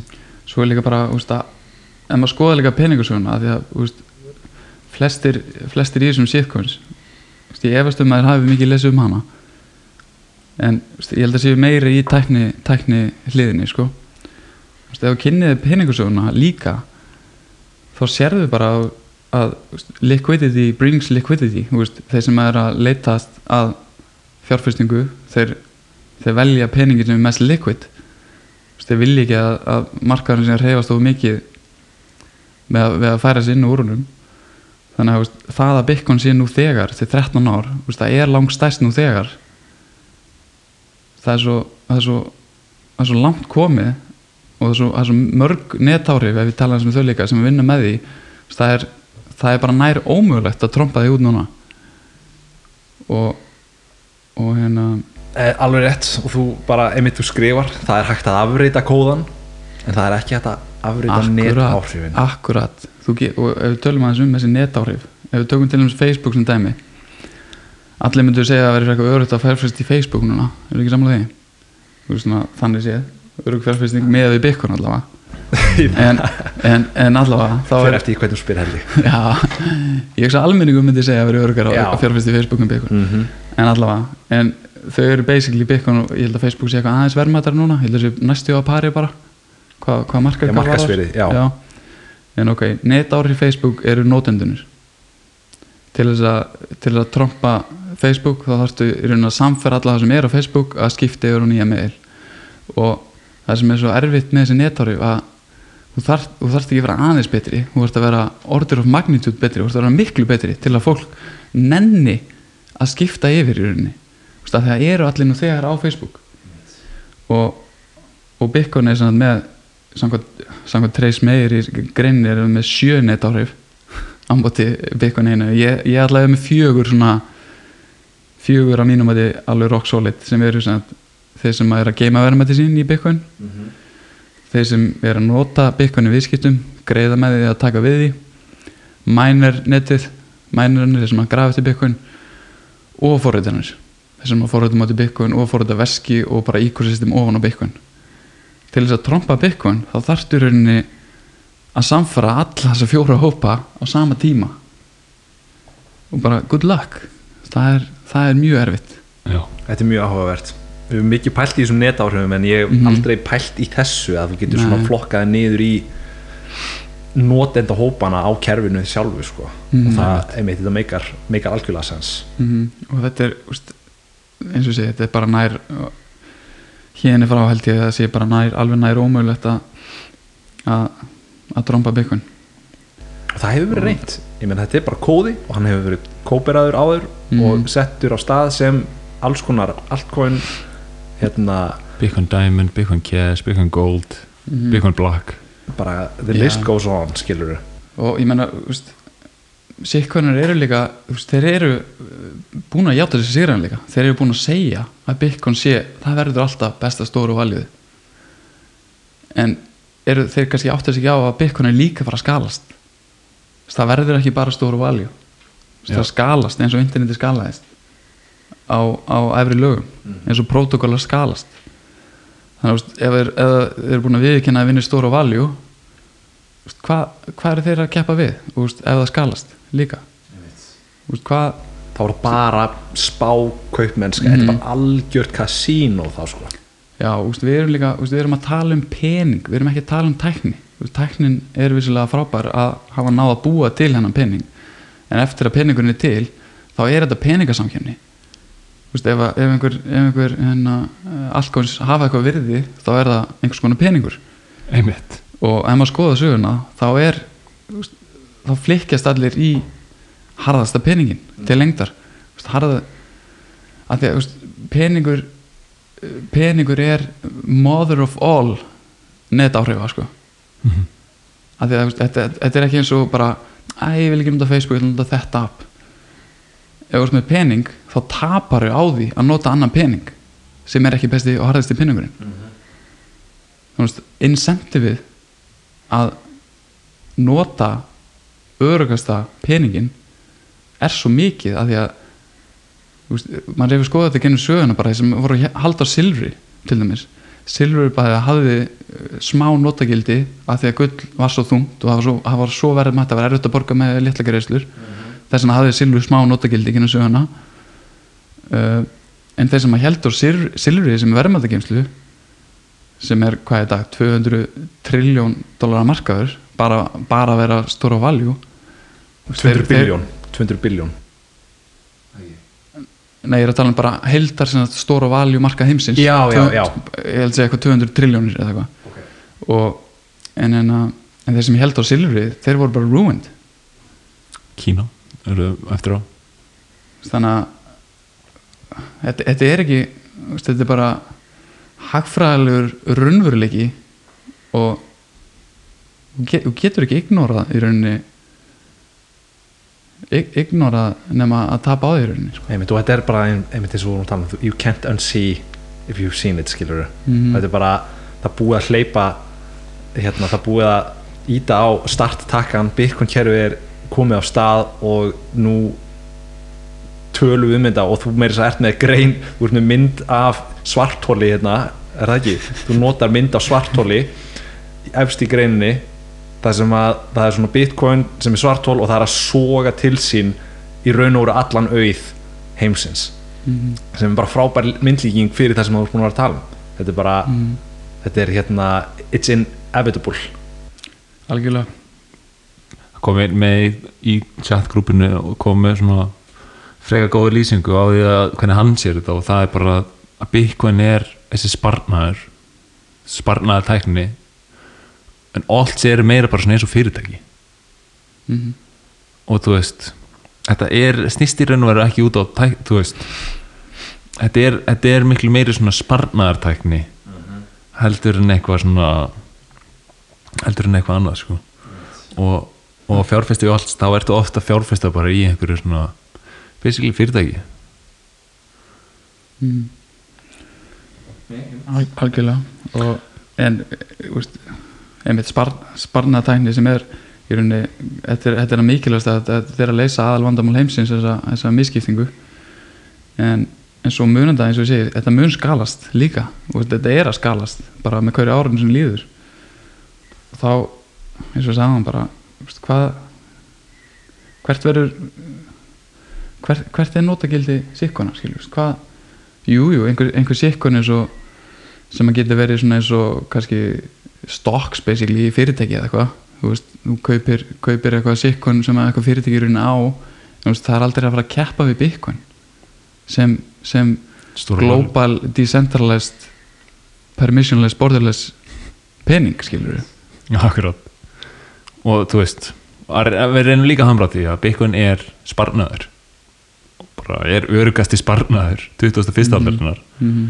og þannig að ég var að segja þetta á Twitter í morgun og gæði spyrja sagði ég væri sagði ég væri klikkaður en, en það er bara staðan skilur, þetta er bara sparnaður sem er með 0% verðbólga áhættu og 0% uh, mótaðal áhættu og það er bara ekkert sem jafnast á það Mm en þá kemur fólk og segir en ef þetta er sparnaður þú veist þetta á að vera, þú segir að þetta sé sparnaður en bara þessu ári þá er Bitcoin búið að hækka um 100% og síðan droppa um 50% og síðan hækka aftur um 50% og þú veist eh, hvernig getur þetta verið sparnaður ef ég get ekki treyst á þetta morgun skilur? ef, ef, ef verðmætin mín í Bitcoin geta bara helmingast yfir nótt. Við, sá, við sáum í gær bara já, eftir að El Salvador gerir að lögri þá kemur að, að mér er farið að finnast dip for ants. Það kemur alveg dífa upp á einhver 20% og, na, -hmm. og já, það er bara svona stór punktur sem að er, er þetta- ég, ég heyri þetta ég heyri þetta oftast bara ég, þetta er einmitt einn af þessum punktur sem að poppar oftast upp sko. Og það þetta er fyr- fyrsta lagi þá er ekki úst, volatility að, að vera sveiflukjent það bara sýnir að þetta er frjálsmarkaður það er engin, sem, það er engin circuit breaker sem svo stokkmarkaðan það er engin sem er að stíga inn og eiga við markaðin þannig bara frjáls og lifandi ba- basically bara lifandi, það sem er sveiflukjent er lifandi. Það sem er ekki sveiflukjent er dögt wow. basically. En, en svo er þetta, sveiflunir er að minka með tímanum. Við erum ennþá svo ótrúlega örli úst, að halda að þetta geti verið steipul á einni nóttu er bara glórulust úst, þetta, þetta, er þetta er nýr peningur sem komur engu sem er basically annarkvort að fara aftur inn í null eða að fara að taka yfir heiminn. Og að gera það sveiflulust er vonlust, það er ekki hægt. En, en þegar markaðurinn stekkar og stekkar með hverju árinu þá verða sveifluna minni og þá verður þetta áræðanlegra og áræðanlegra að geima verðmætti sín til skemmri tíma líka. En long term er þetta nú þegar bara eins og ég var að segja áræðanlegasta verðmættingeimslega í heimi. Ef þú tekur hvaða fjögur ára tímabil í sögu Bitcoin þá ertu að horfa á tíföldin. Það er volatile, það er sveiflukent to the upside.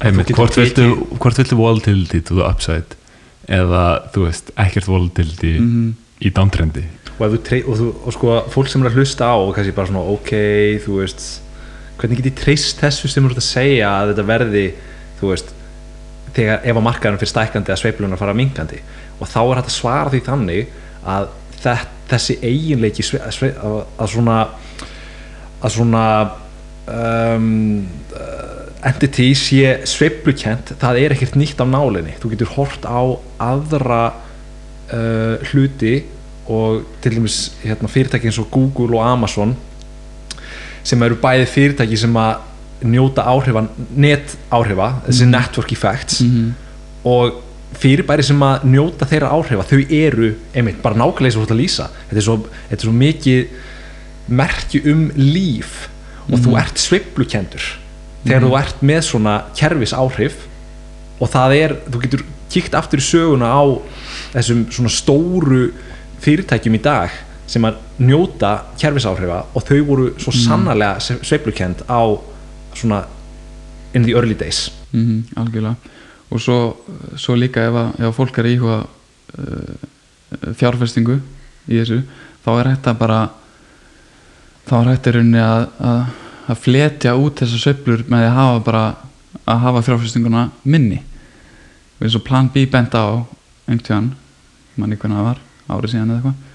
Bent á að ef þú þú hefði haft bara síðustu ég manni hvað var, 5 eða 10 ár ef það er haft sagt 1% í bitcoin og restina í peningum 99% í peningum sem er, sem er hljóma ræðilegt þá hefur samt verið á pari við S&P 500 indexin. Það er magnaði punktur og ég 1%, 1% í bitcoin og 99% í peningum og það er náttúrulega sveiflu laust basically og horfur á heildar og horfur á heildar hérna, heildar magniðitt þá er það náttúrulega mjög sveiflu lítið að þú er bara með 1% í sveiflu, því sveiflu kenda sko. Já, það, það er svo góða punktur og ég svona hefði viljað koma inn á hann við mál þegar hann var hjá okkur að tala um svona portfolio management mm -hmm. að, að þú veist þetta er galið, 1% í byggunum mútið 9% cash Já. er að outperforma þú Mhm. veist, hlutabriðamarkaðin og,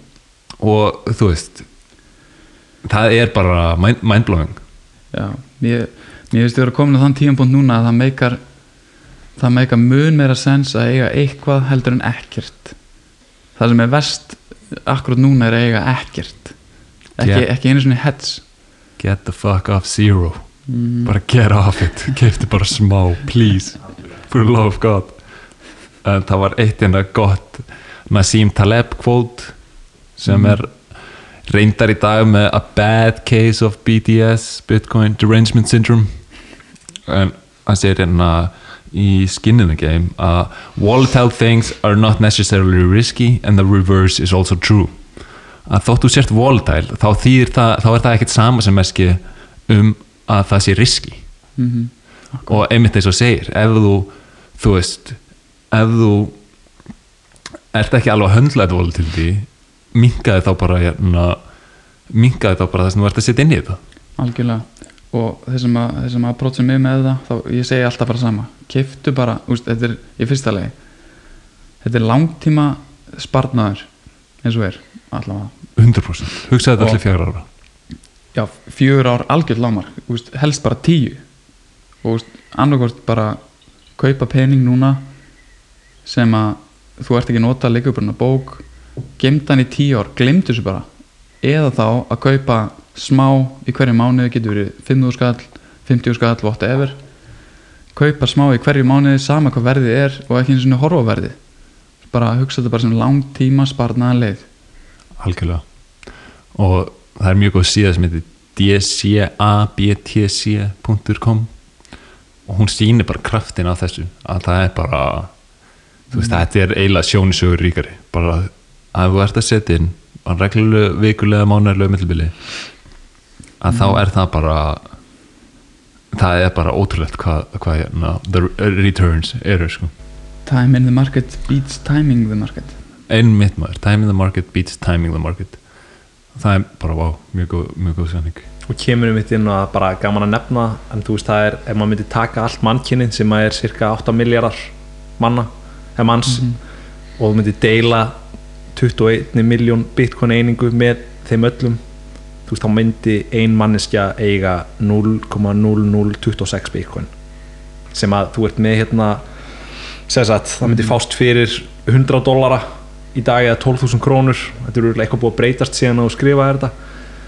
En veist þetta er bara svona til, til þess að fólk átti sig á því hvernig væri hægt að skipta bitcoin með mannkyninu öllu Já, og bara hversu örli við erum maður, maður, ég hef alveg séð einhverjar, einhverjar fréttamæli vera að henda út einhverjum 100-200 miljón mann segja bitcoin eða Mm. hvað en þekki Croisius á Já.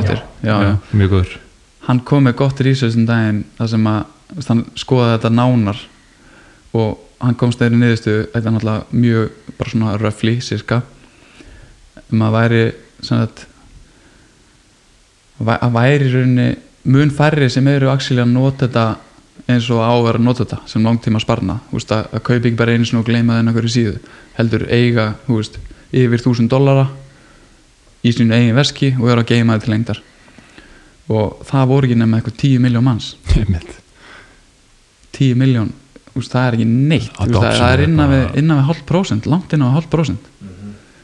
Það, er bara það svona- var mjög áhugaver, áhugaver grein frá hann það var mjög áhugaveru punktur. Mm. og bara svona auðvitað að, þú veist, þegar þeir taka þessu tölu saman 150 miljonir, það er mikið aðeins bara fólk sem á 5 bucks í nokkur veski sem það er ekki einu svona að taka bitcoin út af. Svo það gera fyrir ég er ekki, coins og öðru, öðru slíku sem að akkurat. Mér lákaði samt bara að koma eitt inn. Þetta var svo geggjusæðning um, fyrir söflukendina og það að nýr peningur þú segir, það er, það er nýr peningur það að nýr peningur geti sveiflulöst orðið að alheim skjaldmili er ákveðin veruleika fyrring og það er svo satt.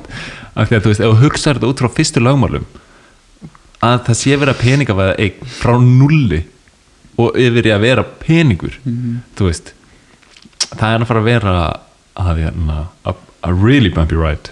Algjörlega. Og, og hann sagði þetta svo fallega hérna, Alan Farrington í greinin sin Bitcoin is Venice if it seemed like a global digital sound open source programmable money was monetizing from absolute zero it would seem a lot like this. Þannig að ef þú myndir hugsa bara svona hvernig myndi, ef það væri raun og veru eigna peningavæðast út frá núli Mhm. hvernig myndi það líta út? Það myndi líta út basically eitthvað eins og það sem við erum að horfa á í dag. Ráðandi kerfi sem að sér contender koma á móti sér bara, þú veist, Davíð á móti Goliat skiluru, Mhm. hann er ekki að fara að leggjast niður í jörðina og segja bara þetta er búið, mm þess vegna ertu með þessi átök skiluru, þess vegna ertu með þessa sveiflukend já, algjörlega. Og það er kannski ágætt að fara í þá þessi að stjórnum að tala um átök að fara í hana stjórnvalda punktin sko. Já. það er svona, mér það einn af, þeim helstur sem maður heyri líka, þú veist. Ok, ef þetta næri ykkur flugi þá slökka stjórnvald bara á þessu hvað sem er, og, og þá hugsa ekki um þetta meir. En hvernig, hvernig ætlar að hvernig ætlar að slökka á dreifstýrðu basically interneti? Þetta er bara, þetta er internet peninga dreift á yfir 100 staði vísöður heiminn og með þess að gerfinetti gerfinetti líka. Og þú veist, þú þyrftir að útvarspilgjur Hmm. útvarspilgjur þú líka, þú getur ángríns þá getur þú sendt millifæslur og, og tengdi Mhm. við byggangerfið í gegnum útvarspilgjur Mhm.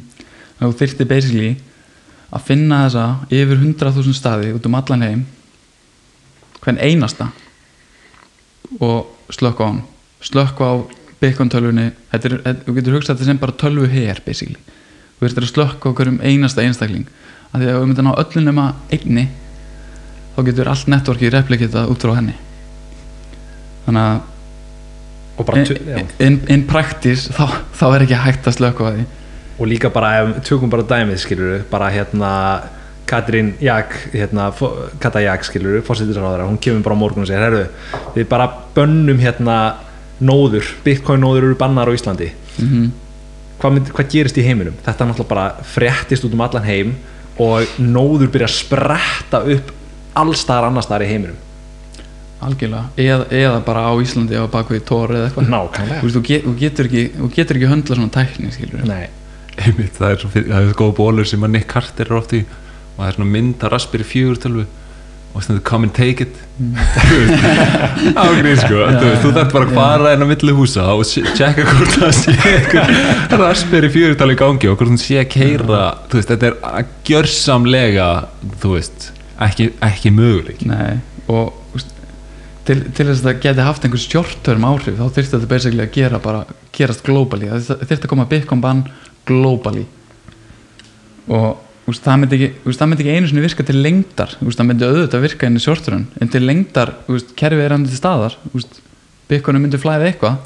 Mhm. þannig að og, og, og, og líkun á því að það verði global ban eru basically hverfandi, hverfandi litlar núna, myndi ég segja, eftir að El Salvador í gær að þetta sem lögur í hjá sér Einmitt. þá fer game theory í gang og úst, þau ríki sem banna eru bara skjótið sér basically, að því að leiðu eitt ríki bannar þá opnaðu gáttir fyrir önnur ríki að draga sér mannuð kapital inn í sitt land að þetta eru, þetta eru taxpaying entities. Einmitt og er, er og, og, já, þannig að úst, game theory er það stert að úst, global ban, úst, ég sé það ekki gerast.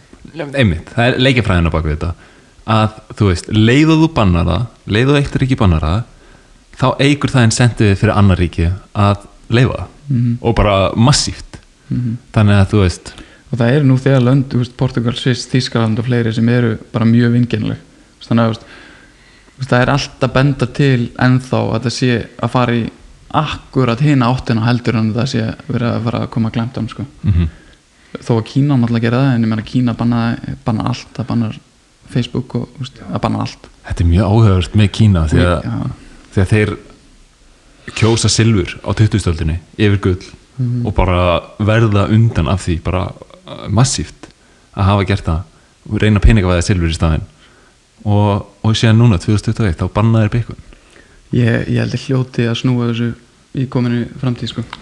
Ég sé þess að það ekki gerast á, á næstuna því þetta bara fer svo, ekki svo gegn þeirra bara sín á heiminn og þeirra plönum. Al, nei, ég sammála alls ekki á næstunni sko. en þú veist, tíu ár fram í tíman heldur þetta verður ennþá að kynna Nei, en, en þú veist ég held ég sjá upp Kína frekar brotnu upp á svona þeir fara eitthvað að leifa byggun af því að þetta er svo þetta ítir undir svo mikla frelsisíkju og þetta empowerar einstaklingin svo mikið og, og þú veist það bara svona er einhvern veginn þetta er svo gegn þeirra gegn þeirra því hvað var að segja bara plönum.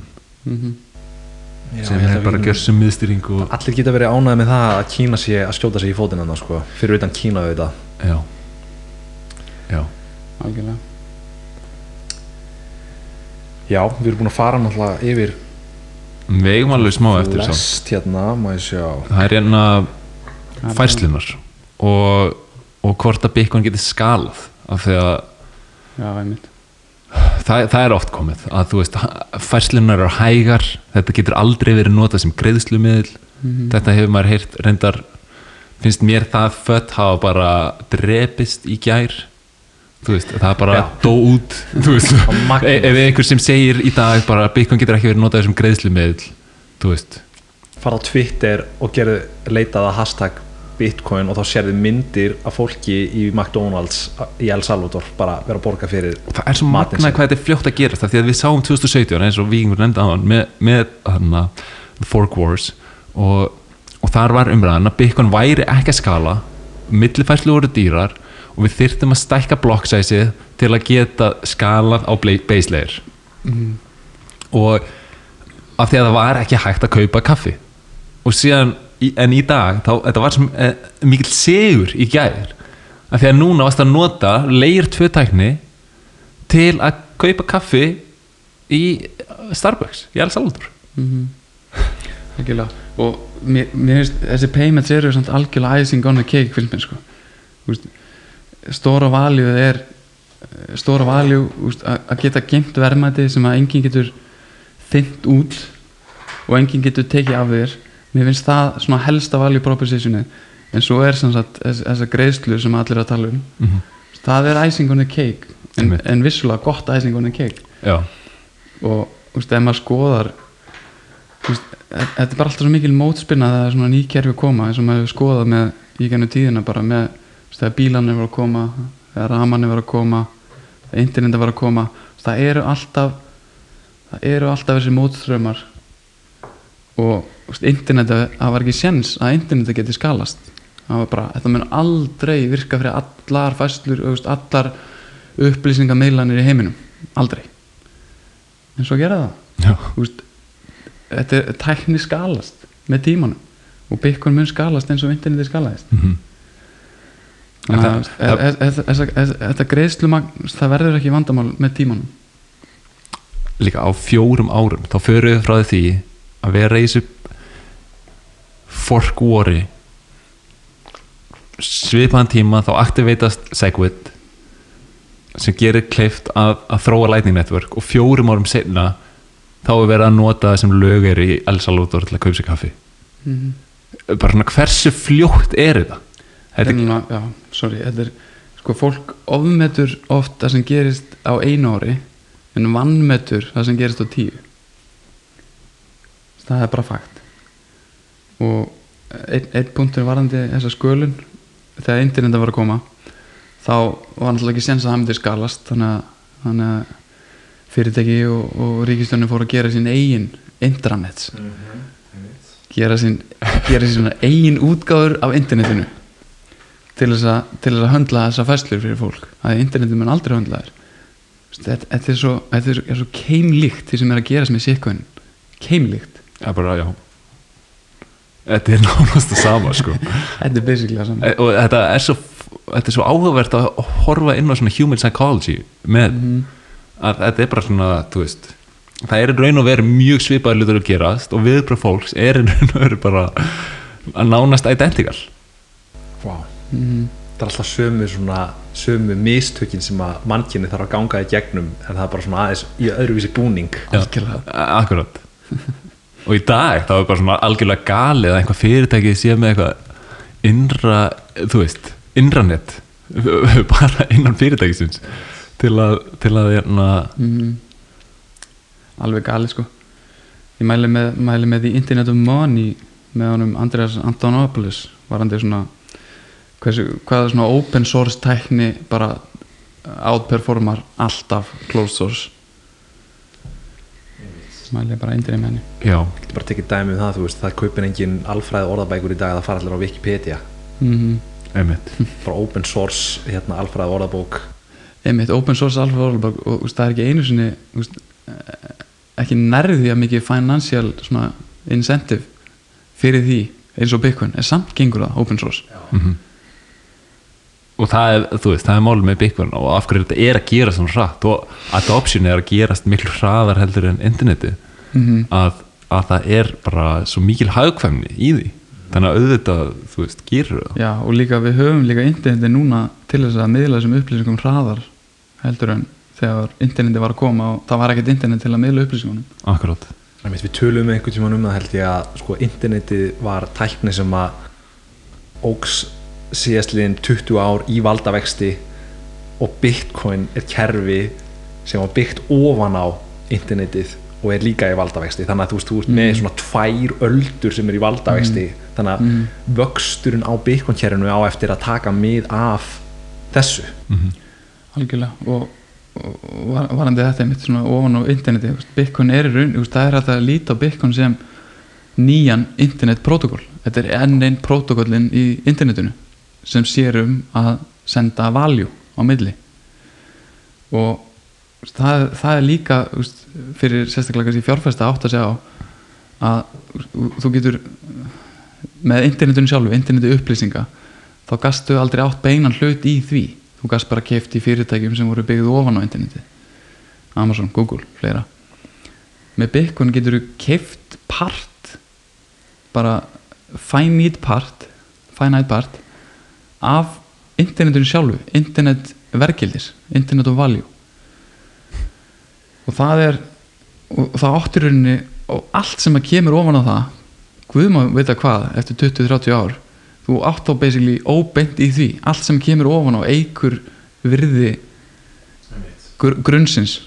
Þess vegna er svo gaman að hlusta á hérna Michael Saylor tala núna í dag um Bitcoin sem digital real estate mm og þá ertu með sko bara og það, það eru aðrir sem hafa tekið upp þetta dæmi hérna, ég held að Dan Held tala um þetta sem sko, þú veist að fjárfesta í hérna uh, fastegn á Manhattan þú veist árið 1700 þú veist bara með takmarka magn lands þú veist bara með takmarka magn af bitcoini 21 miljón og ef þú átt hluta í því þú veist þá ertu komin með mögulega verðmætasta hérna, átt hluta í verðmætasta hérna, já, verðmætastu eign sem mannkynni hefur upp á að bjóða algjörlega mm. og já, bara algjörlega hann, hvað sé Nei. ég ætla að koma inn á Michael Saylor ég ætla að segja að mér finnst hann ekki nógu búlis hann talar oft um að, að dólarar muni lifa í samhliða Bitcoin hvernig sjáu þið það fyrir ykkur? Ég er ósamálanum sko. Ég er svona eila punkturinn sem ég verið svolítið ósamála hann, hann talar endar um sko að því er í samála að, að Bitcoin mun auka hérna, notagildi dólarans að, til að byrja með. Að, að þú veist eins og núna í El Salvador að þá þú veist þá ert að nota Bitcoin kerfið um, sem undirstöðuna en þú getur verið með dólaran þú veist samlega því. Þannig að þú veist núna munu miklu fleiri í El Salvador fá aðganga bankareikning bara mm Bitcoin veski en þar munu þau geta skipt yfir í dólaran símlisli Akkurat. Þannig að þú veist, kannski til að byrja með að þá sjáum við, þú veist miklu meiri notkun á, á til dæmis dólaranum en ég sé bara, ég sé engan veginn hvernig þetta tvent getur lifað samhliða. Og hann hefur einmitt sagt að Bitcoin sé, sé ekkit endilega, þú veist, gott í greiðslumölun ég, Núna? Nei, kannski ég er náttúrulega ósamlega, ég finnst að vera í dag ég, ég er veist. 100% ósamlega ég, ég sé dollarin, hann lifir, hann lifir áfram 10-20 ár hvað það verður með Bitcoin en þegar veist, þegar game theory fyrir að spilast inn og veist, Bitcoin er orðið veist, það er basically allur heiminum fann að ge- geima verðmætti sinni í Bitcoin að það meikar með sense maður er búin að kafa honi þetta og 10-20 ár þetta er búið að skalast eins og ég veit ekki hvað hvað er þá notagildi dollarans? Ég, það er ef að stjórnvöld breytast þú veist, ef að stjórnvöld fara að taka upp hérna hvað maður að segja? Breytast í svona þessi al, al, allræðis ríki sem að það er alveg svona tákn, tákn á loftu með hvað er að gerast. Þeim að sjá allir bara hvað er að gerast í heiminum í dag. Mm. uh, einstaklingar eru farnir að missa frelsi sitt til þess að lifa sínu eigin lífi án þess að fara út í eitthvað mikið eitthvað COVID umræður skilur en, en það er eins og það sé verið að preppa mannkinni fyrir það að við séum að missa réttindu okkar og ofan á það eru sælabankar heimsins að búa sig undir að taka reyðufíi úr umferð og hleypa af stað digital hérna, currencies. Central Bank Digital Já, Currencies CBDC CBD, CBDC og ef að það gerist og þegar það gerist þá er lengur ekkert frelsi í að halda maður að segja nafnleind við að stunda viðskipti. Þannig að þú getur ekki lengur nota peningiðin án þess að Mhm. hérna uh, þriði aðilinn viti hvað þú ert að gera og hann getur meiri sér stoppað færslunar ef eitthvað er Algjörlega, ég, ég er alveg sammála. Við, við værum á leiðin í þennan heim ef það væri ekki fyrir Bitcoin. Bitcoin kemur til bjargar. Það er Hope. bara þannig sko. bara hope.com þetta er bara, já. Nei, Þetta er þetta, hóp. þetta, þetta, er ángrís, þetta er eina von mannkynsins til þess að allavega forða okkur frá þessari framtíð. Já. af því að framtíð mannkynsins heldur úrlega áfram ef að það verður eitthvað ægi vald en ég meina, þú veist, við viljum það ekki. Við viljum halda í frelsi einstaklingsins. Já. og Bitcoin er basically og, og ef að þú veist ef þú ert ekki en pening sem er frjáls þá er veist, það hefur svo cascading áhrif og, og eins og núna í Nígeríu að þá er þá er verið að loka á bankareininga hjá fólki sem er óbólusett. Og, og það er bara svona wow, veist er rosa. hversu, hversu hérna, mikil völd he, hafa ríkistjórnir eða hafa þessi völd yfir peningum og það er bara Já. allt og mikil. Og það er það er sem ég fílaði Bitcoin að það mun þegar að þeir miss, þegar ríkistunni missa í rauninni tökin hægt og rólega á peningunum að því að Bitcoin er að taka yfir þá, þá neyðast ríki til að, ríkistunni til að minka það, það verður minna um sig og það verður erfiðara fyrir þau að fjármæna stríð. Það mun þurfa þá að koma beint frá taxpaying citizens En það er nefnilega eins og þú nefndir í byrjunum á podcastinu með Mhm. að við sjáum þannig að Fiatin eiginlega að byrja í fyrstu heimstyröldinni það er svona fyrsta stríðið sem við sjáum sem er svona langt þú veist, þetta var alveg bara svona mjög langt og mikið stríð Einmitt. og mögulega eina ástæðan fyrir því er það að ríkistjóður náða fjármagnin sig með Fiat-keppninu Einmitt, ég þannig að there isn't a coincidence að, að þessi öld af bara total war 20. öldin skiluru coincidar með öld af Fiat pinningum Akkurat, ég, ég glemdi að nefna hann punkt að, að bara, bara flest stríð, ef ekki öll í gennum tíðina hefðu verið blóðmenni og varað í, í skemmri tíma eða það hefði ekki verið fyrir hann að fíat penning að þeir geta haldið áfram að prenta át pening og fjármagna stríðið. Mhm. ef þeir væru með raunverulegan harðan pening eins og bitcoin þá myndu þeir vera í stríði í einslákan tíma og bitcoin er leifið þeim að borga fyrir það Mhm. svo þegar það er búið þá er ekkert meira hægt að gera. Get, get ekki búið til úr hérna, þunnu lotti. Einmitt. Þannig að það er, það er mjög góða punktur. Já, en við erum allir í Bitcoin til að græða peninga. Og Vi, við, við byrjum þannig að byrjuðum þannig. Það byrja allir þannig. Græða Þannig, hva- andlega. hvernig ætlar að selja og, og hérna kassa út og live the good life. Það er umlega spurning sem að maður fær marga oft sem að sem bara margi bara skil, skilja ekki svariðið en það er basically aldrei eins og, eins og ég segi, veist, núna er þetta besta verðmættagemsla í heimi til lengri tíma. Og með tímanum skalast þetta líka hvað greiðslur varðar. Þannig að þú munt aldrei þurfa að selja þetta.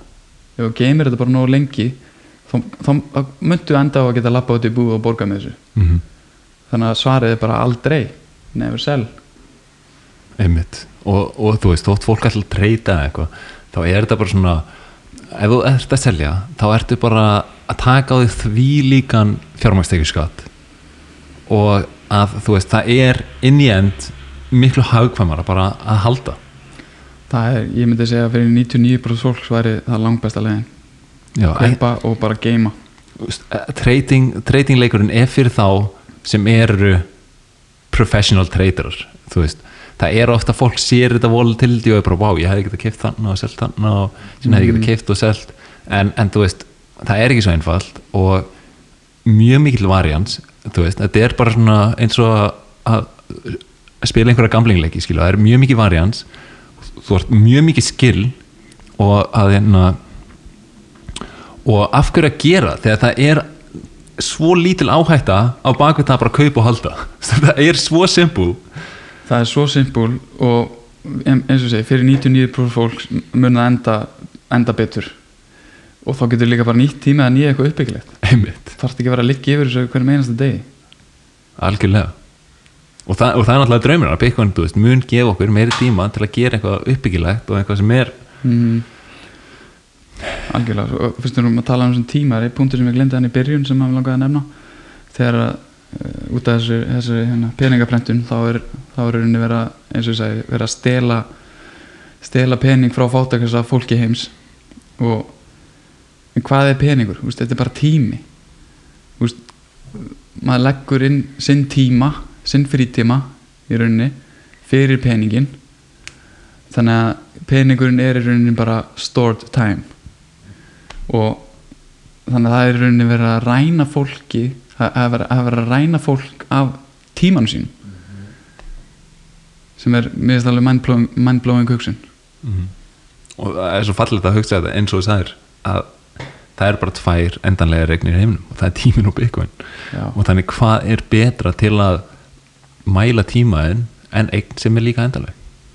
Algjörlega. Og uh, svo förum kannski aðeins út í það af hverju hvernig, get, hvernig getur þetta verið þetta er digital hvernig getur þetta verið í endanlegu magni mm. og það, það kemur út á þetta decentralizations dreif, dreifstýringa neti sem vorum að tala um áðan sem að Bitcoin er eina sem að ein, sem að bara hefur í rauninni til þess að breyta hérna, segja eins og að einhver, einhver komi og heyrðu, ég ætla, ég ætla að reyna að breyta þessu hérna að, að verða til fleiri en 21 miljón 21 miljón er sem sagt það sem að verður til í mestalagi það verður komið um fyrir árið 2140 það mun taka cirka 30 ár að grafa eftir síðasta eina bygguninu sem er mindblowing. Mm. og eftir það kemur bara ekki meiri umferð. Og, og í rauninni til þess að ná að breyta þeirri reglu þá þyrftur að sannfæra notendur um að breytinni. Það síndi sig í fórkjunan á 2017 það eru notendur út um allan heim sem að stjórna stjórna ekki öllu, eh, þeir hafa svona loka mesta vægið. Og á konsensusreglunum. Á konsensus þessum mikilvæga reglum sem og þegar var- sér notendur þá áttu við nóður. Nóður já þú veist, í, í rauninni, rauninni tölfur einhver, einhver sem á þess að tölfur skilur Mhm. Þetta er svona þetta er í rauninni bara þetta er, þetta er svona basically hugmynd bara í huga fólks sem að þú veist, hvernig ætlar að, hvernig ætlar að breyta þú veist, er einhvern veginn hakkað inn í heilan minn og breyta þeirri skoðun Mhm. að það eigi að koma meira byggun umfyrir það er ekki hægt ekki náðu með einhverju inception dæmi kannski. Ég mun vera spenntið fyrir að sjá þú reyna það. Já, þú veist ma maður er svo örugum með þetta að maður upplifir þetta sjálfur veist, maður er keirandi tölvu heima og veist, ef einhver myndi dætt í hug að reyna að breyta einhverju svona stóri reglu veist, ég myndi ekki haggast. Það myndi enginn af þessum yfir 100 þú veist, tölvum haggast í heiminum. Og þetta er miklu, er miklu stærri og mikilværi regla heldur en þeir reynda að breyta 2017 hún var talsvett eh, minni heldur en þessi en þeir náðu samt ekki einmitt. Þannig að við höfum fordæmi fyrir þessu með þessu líka. En það sem er ótrúlega fallegt við þetta er að það er samt hægt að reyna. Þú veist það er hægt að að því að Bitcoin er forritanlegu peningur. Það er verið að bæta við eiginleikum í kerfið bara eins og þú veist að nefna með Segwit Lightning Network er að koma inn og Bitcoin er svo sannlega ekki algjörlega fast í stein. Þú getur með þess að bara fara núna sett upp nóðu og skráðana þannig að það séu 22 miljónir Bitcoina. En málið er bara að næst þegar kuppur eru búin til þá mun enginn fylgja þér. En þú getur reynt þú getur reynt að sannfæra fólk um Akkurat. en það mun bara það er svo stjartfræðilega litla líkur á því að einhver muni kaupa það en Akkurat. að það sé möguleiki það er ótrúlega gott. Ég, það er mjög gott. Þetta, þetta, er mjög, þetta er mjög góða punktur og, og annað anna gott dæmi með þetta er eins og bara ímynda ykkur skák. Kunna, kunna margir reglunar í skák? Þú getur alveg búið til eitt eigi skák breytta reglunum. Græðir enginn á því? Að mun ekki spila þessa skák sem þú gerir það að mun að mjög spila original skákina sem að allir eru nú þegar að spila. Já, það er, þetta er, þetta er svona net áhrifa dæmi. Og eins og, eins og biblían. Biblían er dreifið um allan heim. Mm. getur enginn einn breytt biblíunni hún er allstaðar á hvergi. Þú veist, hún, hún, svo, hún svo dreifð svo svakalega við það. Þú, veist, það, þú getur ekki breytt textanum í henni. Þetta er svona, þetta er svona annað ágætt dæmi. Já. skákdæmi finnst mér mjög gott og það er bara svona, er hálf mælbláðing sko. mm. að þú veist, þú getur reynd að forka reglunar og sagt bara eitthvað þú veist, peðin geta farið, þú Getur- veist, þrjá áfram eða eitthvað. getur búið til eitt eigi tungumál og byrja að tala við einhvern vinnin en það mun ekki annan tala við þig. Algjörlega, þetta er bara þannig. Já og þannig að endalist svona dæmi að því við vorum að nefna Mhm. Wikipedia. Þú getur kóperað Wikipedia og sett hann á wikipedia2.com skilur við að því að þú getur ekki breyt eða þú ætlar að breyta upplýsingunum um, um hérna fórseta bandarækina og getur það ekki sko á venjulega Wikipedia. En þú getur gert það á wikipedia2.com einmitt, en það er enginn að fara inn á það síðu skilur við nei og þannig að þetta er einn punktur sem er gott að, þegar kemur ykkur efasendamæður og er bara, já, þetta gengur, þetta gengur ekki veist, að spurja hann bara gerur þér grein fyrir hvernig Bitcoin kerfið innleiðir takmarkamagn af 21 miljón Mhm. og ef hann veit það ekki ef hann gerir sér ekki grein fyrir því þá hefur hann ekkert gott til máluna að færa. Af því að þú veist, ef það er raunveruleiki að það sé bara 21 miljón bitcoin Mhm. og það sé ekki hægt að búa til meira þá náttúrulega brýtur það alla skala. Já, og maður líka hefur séð var þess að gaggrinni, maður hefur séð marg oft í genið tíðina tíðina, bara hörðustu gaggrinundur þeir byrja að gaggrina og eru bara jætnir á lífi bara á byggjurnust og þeir fara að hugsa sinni gang og skoða dýpra og skoða dýpra og þeir breytast í byggjurnust Já. þeir sem að þeir sem að byrja actually að að fara dýpra en eitt level þeir þeir hætta gaggrina þeir sjá að gaggrinni sem voru með meika, meika ekki sens það eina sem þú þarft er að vera opinn fyrir nýjum hugmyndum og sína auðmygt að geta viðkjönd að þú Algjörlega. gert mistök Mhm. Og þeir sem að gera það veist, við höfum allir verið þarna því að við höfum allir lendi í, í hérna altcoin hérna, skýta hólunum skilur Mhm. en við síndum allir þá auðmygt að ok, þetta, við, ég hef gert mistök hér Mhm. ég yðrast gjöra það var erfið haflækingið hjá mér ég var en ég var, þú veist Já, þú veist Hva, Hvað var það? Einhverjum mánuðir? Nei ah, það var alveg ég held að það veri, ekki verið fyrir en bara to Flow kom út sem ég var, fór almennilega að gera mig grein fyrir mikilvægi af Scarcity Já, og ég held að þú veist að, að kerfi sem að uh, voru öðrursbyði voru, væri auðveldar að skala og að, að þú veist þau getur höndla einhver svona decentralized heim skilur það sem að Mhm. það sem að allt social media og allt er bara byggt ofan á og, hann, uh, og, og sá ekki einhvern veginn hvernig Bitcoin græði það og, og á sama tíma gerði ég mér ekki grein fyrir mikilvægi af scar scarcity. Það nefnilega er mikilvægsti punkturinn og bara veist, að við höfum eitthvað í fyrsta sinn fyrir utan human time sem er í algjörlega endanlegu magni. Já, það er ekkert annað í heiminum og veist, maður þetta mun hafa eh, bara afleðingar í för með sér góðar til lengri tíma sem maður átt að sig einu svona á í dag sko. mhm loksins komin bara konstant í hagfræðina Sem það að- er nefnilega málið maður þetta er bara þetta er svona stabilisar heiminn það er komin konstant í hagfræðin og nú er hægt að gera bara svona alvöru hagfræðilega útreikninga mm -hmm.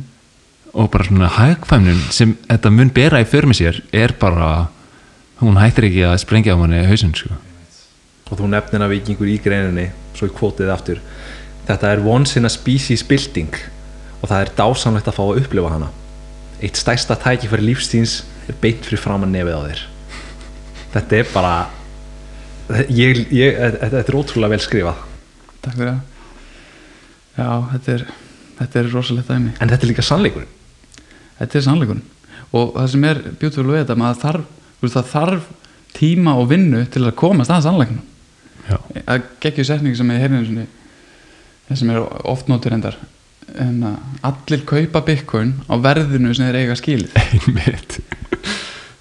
If you put in the work þá færðu betra verð. Ef ekki, þá kaupir herra það er bara svoleiðis. Það er svo góða punktur maður. En, en þú veist, núna í dag þá er bitcoin, þú veist þetta er orðið e- eitt bitcoin kostar 50.000 dollara markasverðið bitcoin kerfisins er 1 trilljón dollara. Þú veist er þetta ekki svolítið bara svona þú veist, þetta er orðið það stórt að maður er orðið svolítið seinn að verða kvot um kvot rík, ríkur af þessu? Ég er, ég er alls ekki samlega því. Sko, ef, við- skoðum bara til með stóra value bara verðmættageimslu markað heimsins hann er eitthvað kringum 200 triljónir Bitcoin er 1 triljón núna þannig að bara ef þetta tekur yfir stóra value segjum þetta feili, feili gjössanlega að skalast sem ég tel enga líkur á við segjum þetta gerir það og taki bara yfir stóra value þá eru samt að horfa á mögulega 200 földun frá núverandi verði. Einmitt. Þannig að það er og það er Það- ekki, og það er ekki að taka inn í myndina bara svona ha- heimshagkvæmnina sem að þú veist. Já, og það, það er heimshagkvæmin og þetta er mér hugið mitt veist, Bitcoin, þetta mun kaupmæntu Bitcoin mun endalust vaksa af því að þó að þó að sé búið að taka alveg yfir þá er hagkerfi enn að vaksa og hagkerfi verður hagkvæmara út af Bitcoin hann að vex með þessar hraðar til lengdar heldur en núna. Mm. og af því að það heldur áfram að vexa og það er bara 21 miljón Bitcoin þá heldur heldur kaupmáttur hvers stykkis áfram að vaksa endalust einmitt. og þetta er það sem að Knut Svanholm hefur komið inn á. Einmitt með bara alveg bara mindblowing concept af Infinity deilt með 21 miljón Mhm. að bara svona þú veist, það er í raun og veru engin, ekkert stopp á þessu skilur, það er ekkert það er ekkert 200 tilirun og þá eru bara Bitcoin orðin stóra fali og þú veist, nú Já. er það bara stabil skilur. Og, og hérna, Pierre Rochard legendið, hann sagði einmitt með, fannst mér mjög gott því það sem hann sagði skilur um, Bitcoin mun þú veist vaksa hraðar post hyperbitcoinization út af bara hagkvæmninni sem mun verða í kjölfarið. Einmitt. Þá er engin að, að streytast á móti. Þá er kerfið sem að ráðandi kerfið á þeim tíma þú veist, þá er það farið burtu Mhm. og þú leifir þá þessari lífveru að blómstra. Þess vegna nærði þessum Mesti partur mannkinn spýr bara við fátækt í dag Þannig ímynda okkur hvað við eigum mikið inni af bara hagvexti. Og góða punktur frá Peter Cor- McCormack á Twitter ger talaði um eitthvað það eru svo margir sem vilja að Bitcoin feili í Salvador.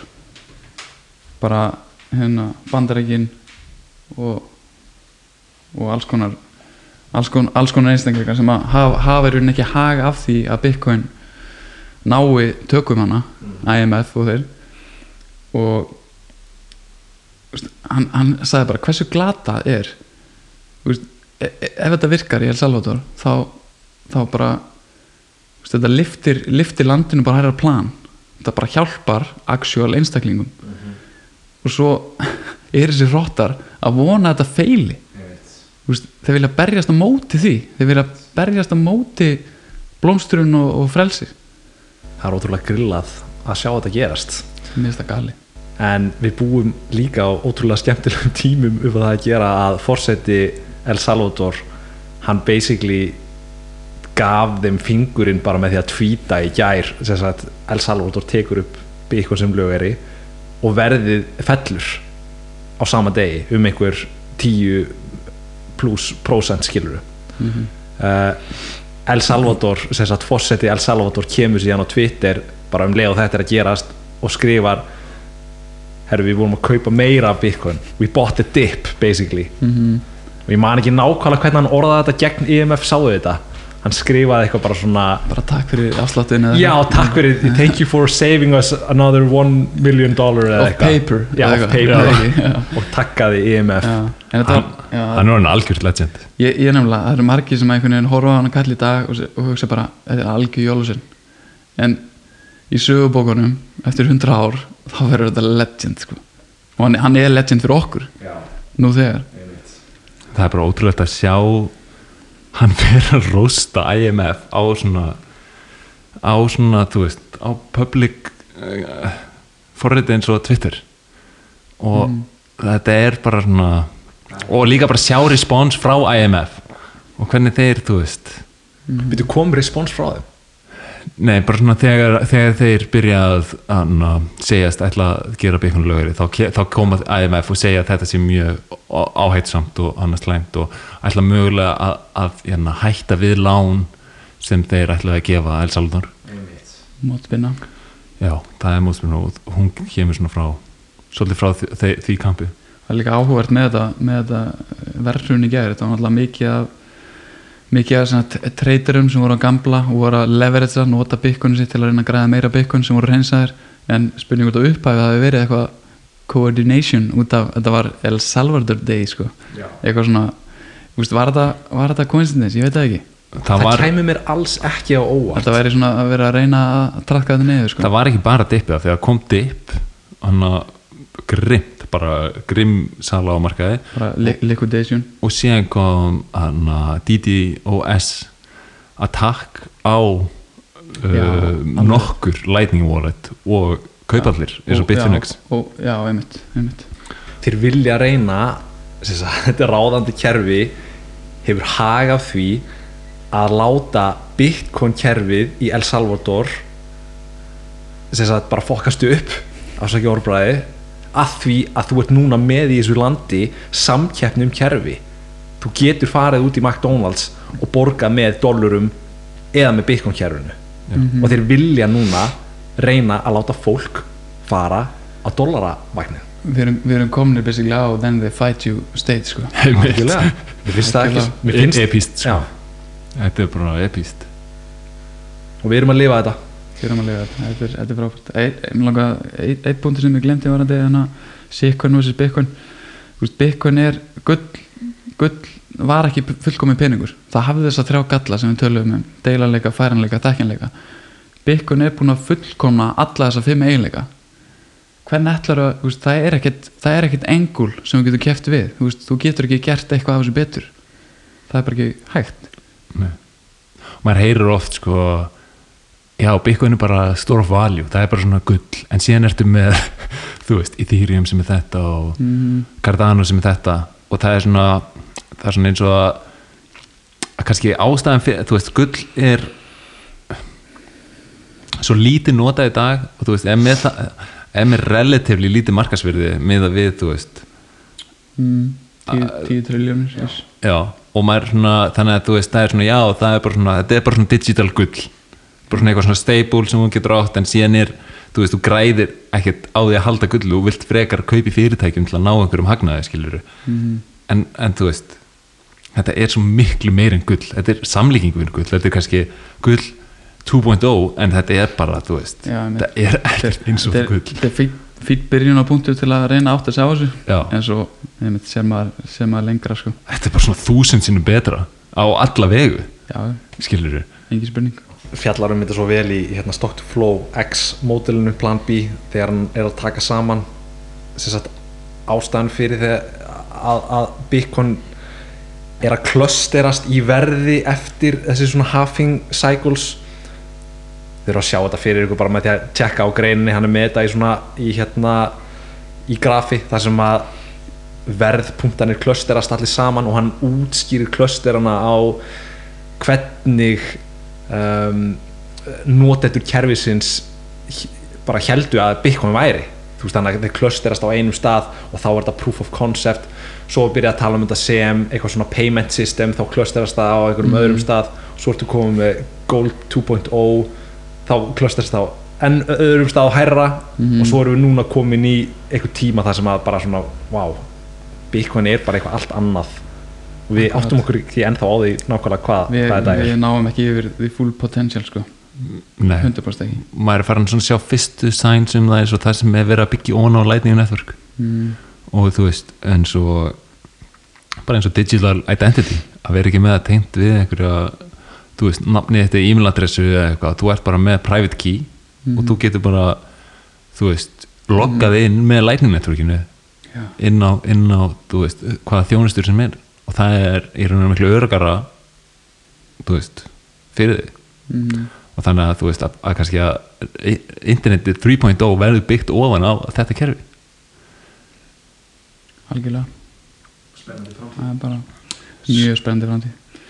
Súper. Hvað segir bara, ég kannski bara að lóka svo hvað, þú veist, hvað með framtíðina? Hvað, hvað er að fara að gera sérna eftir þú veist, nokkra mánuði, hvað er að fara að gera sérna í fimm ár? Ertu með einhverjum Ég- svona pælingur um hvað ég reyni að vera ekkert að spá of mikið í það sjórnstörum sko. en ég, ég held að bara næsti, næsti áratögur, næstu tíu ár verði bara rosaleg sko. og það geti orðið bara, bara pínu chaos þegar þetta bara transition er í gangi sko. og já, ég er allavega ég er bullis, ef við ætlum að tala um einhverja verðmiða þá er ég alveg ég sé fyrir mér miljón dólar að bygg og árið 2025-6 eftir næsta halving? Hmm. eftir næsta halving? Já, einhvern veginn í kjölfannasta halving. Og já, bara og það er 20 földin frá deginum í dag, svona cirka mm, bara til að gefa fólki skilning á því þú veist, þetta er þetta er búlið spá. Já, algjörlega, búlis í gerð ég er með smá hérna Jordan Belfort ræði í lokinu eða vilja hera hana? Já, hvernig ok Serðu ekki fram á að geta nokkuð tíma kiftið þín á fyrstu eigin? Gott Taktu veskið og kiftu bitcoin Ertu hrættur um að ellilífurinn duði ekki þegar þú ættur að vinna? Gott Taktu veskið og kiftu bitcoin Ertu þreyttur á sívaksandi í ójöfniði heiminum? Hefur áhyggjur á umhverfismálu vegna sívaksandi nýstluðikju? Ertu mótvallin auðveldlega fjármögnum stríðum í heiminum? Gott Taktu veskið og kiftu bitcoin Bitcoin byggir betri heim. Punktur. Þetta var negla. Þetta var ekki ekki. Ekki sem ekki fan að honum sko en, Meðast, hann kom með þetta. Er þetta Nei, Wolf of Wall Street þetta, þetta, þetta er Wolf of- Hann tók ræði í Wolf of Wall Street þegar hann var að reyna að selja hennar reyna, reyna að láta að selja hana skó fyrirtækisins.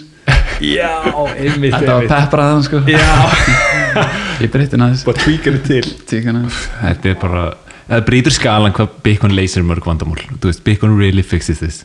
Og bara svona, það er vandamál út um allt í samfélaginu. Það er ójöfnur, lífverðisjónir er að algjörsamlega, þú veist svindla á okkur í gegn.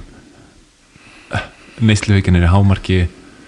Þú veist það er bara allt í rugglinu og það er mjög mögulega af því að peningurinn er í rugglinu 100% þannig að Súper, komnir á tvo tíma. Virkilega góður þáttur takk kærlega fyrir komuna. Og við vonumst til að sjá fleiri greinar eftir því. Það er bara það er svo mikið gæði og þetta er bara svo mikið valjú fyrir Íslendinga.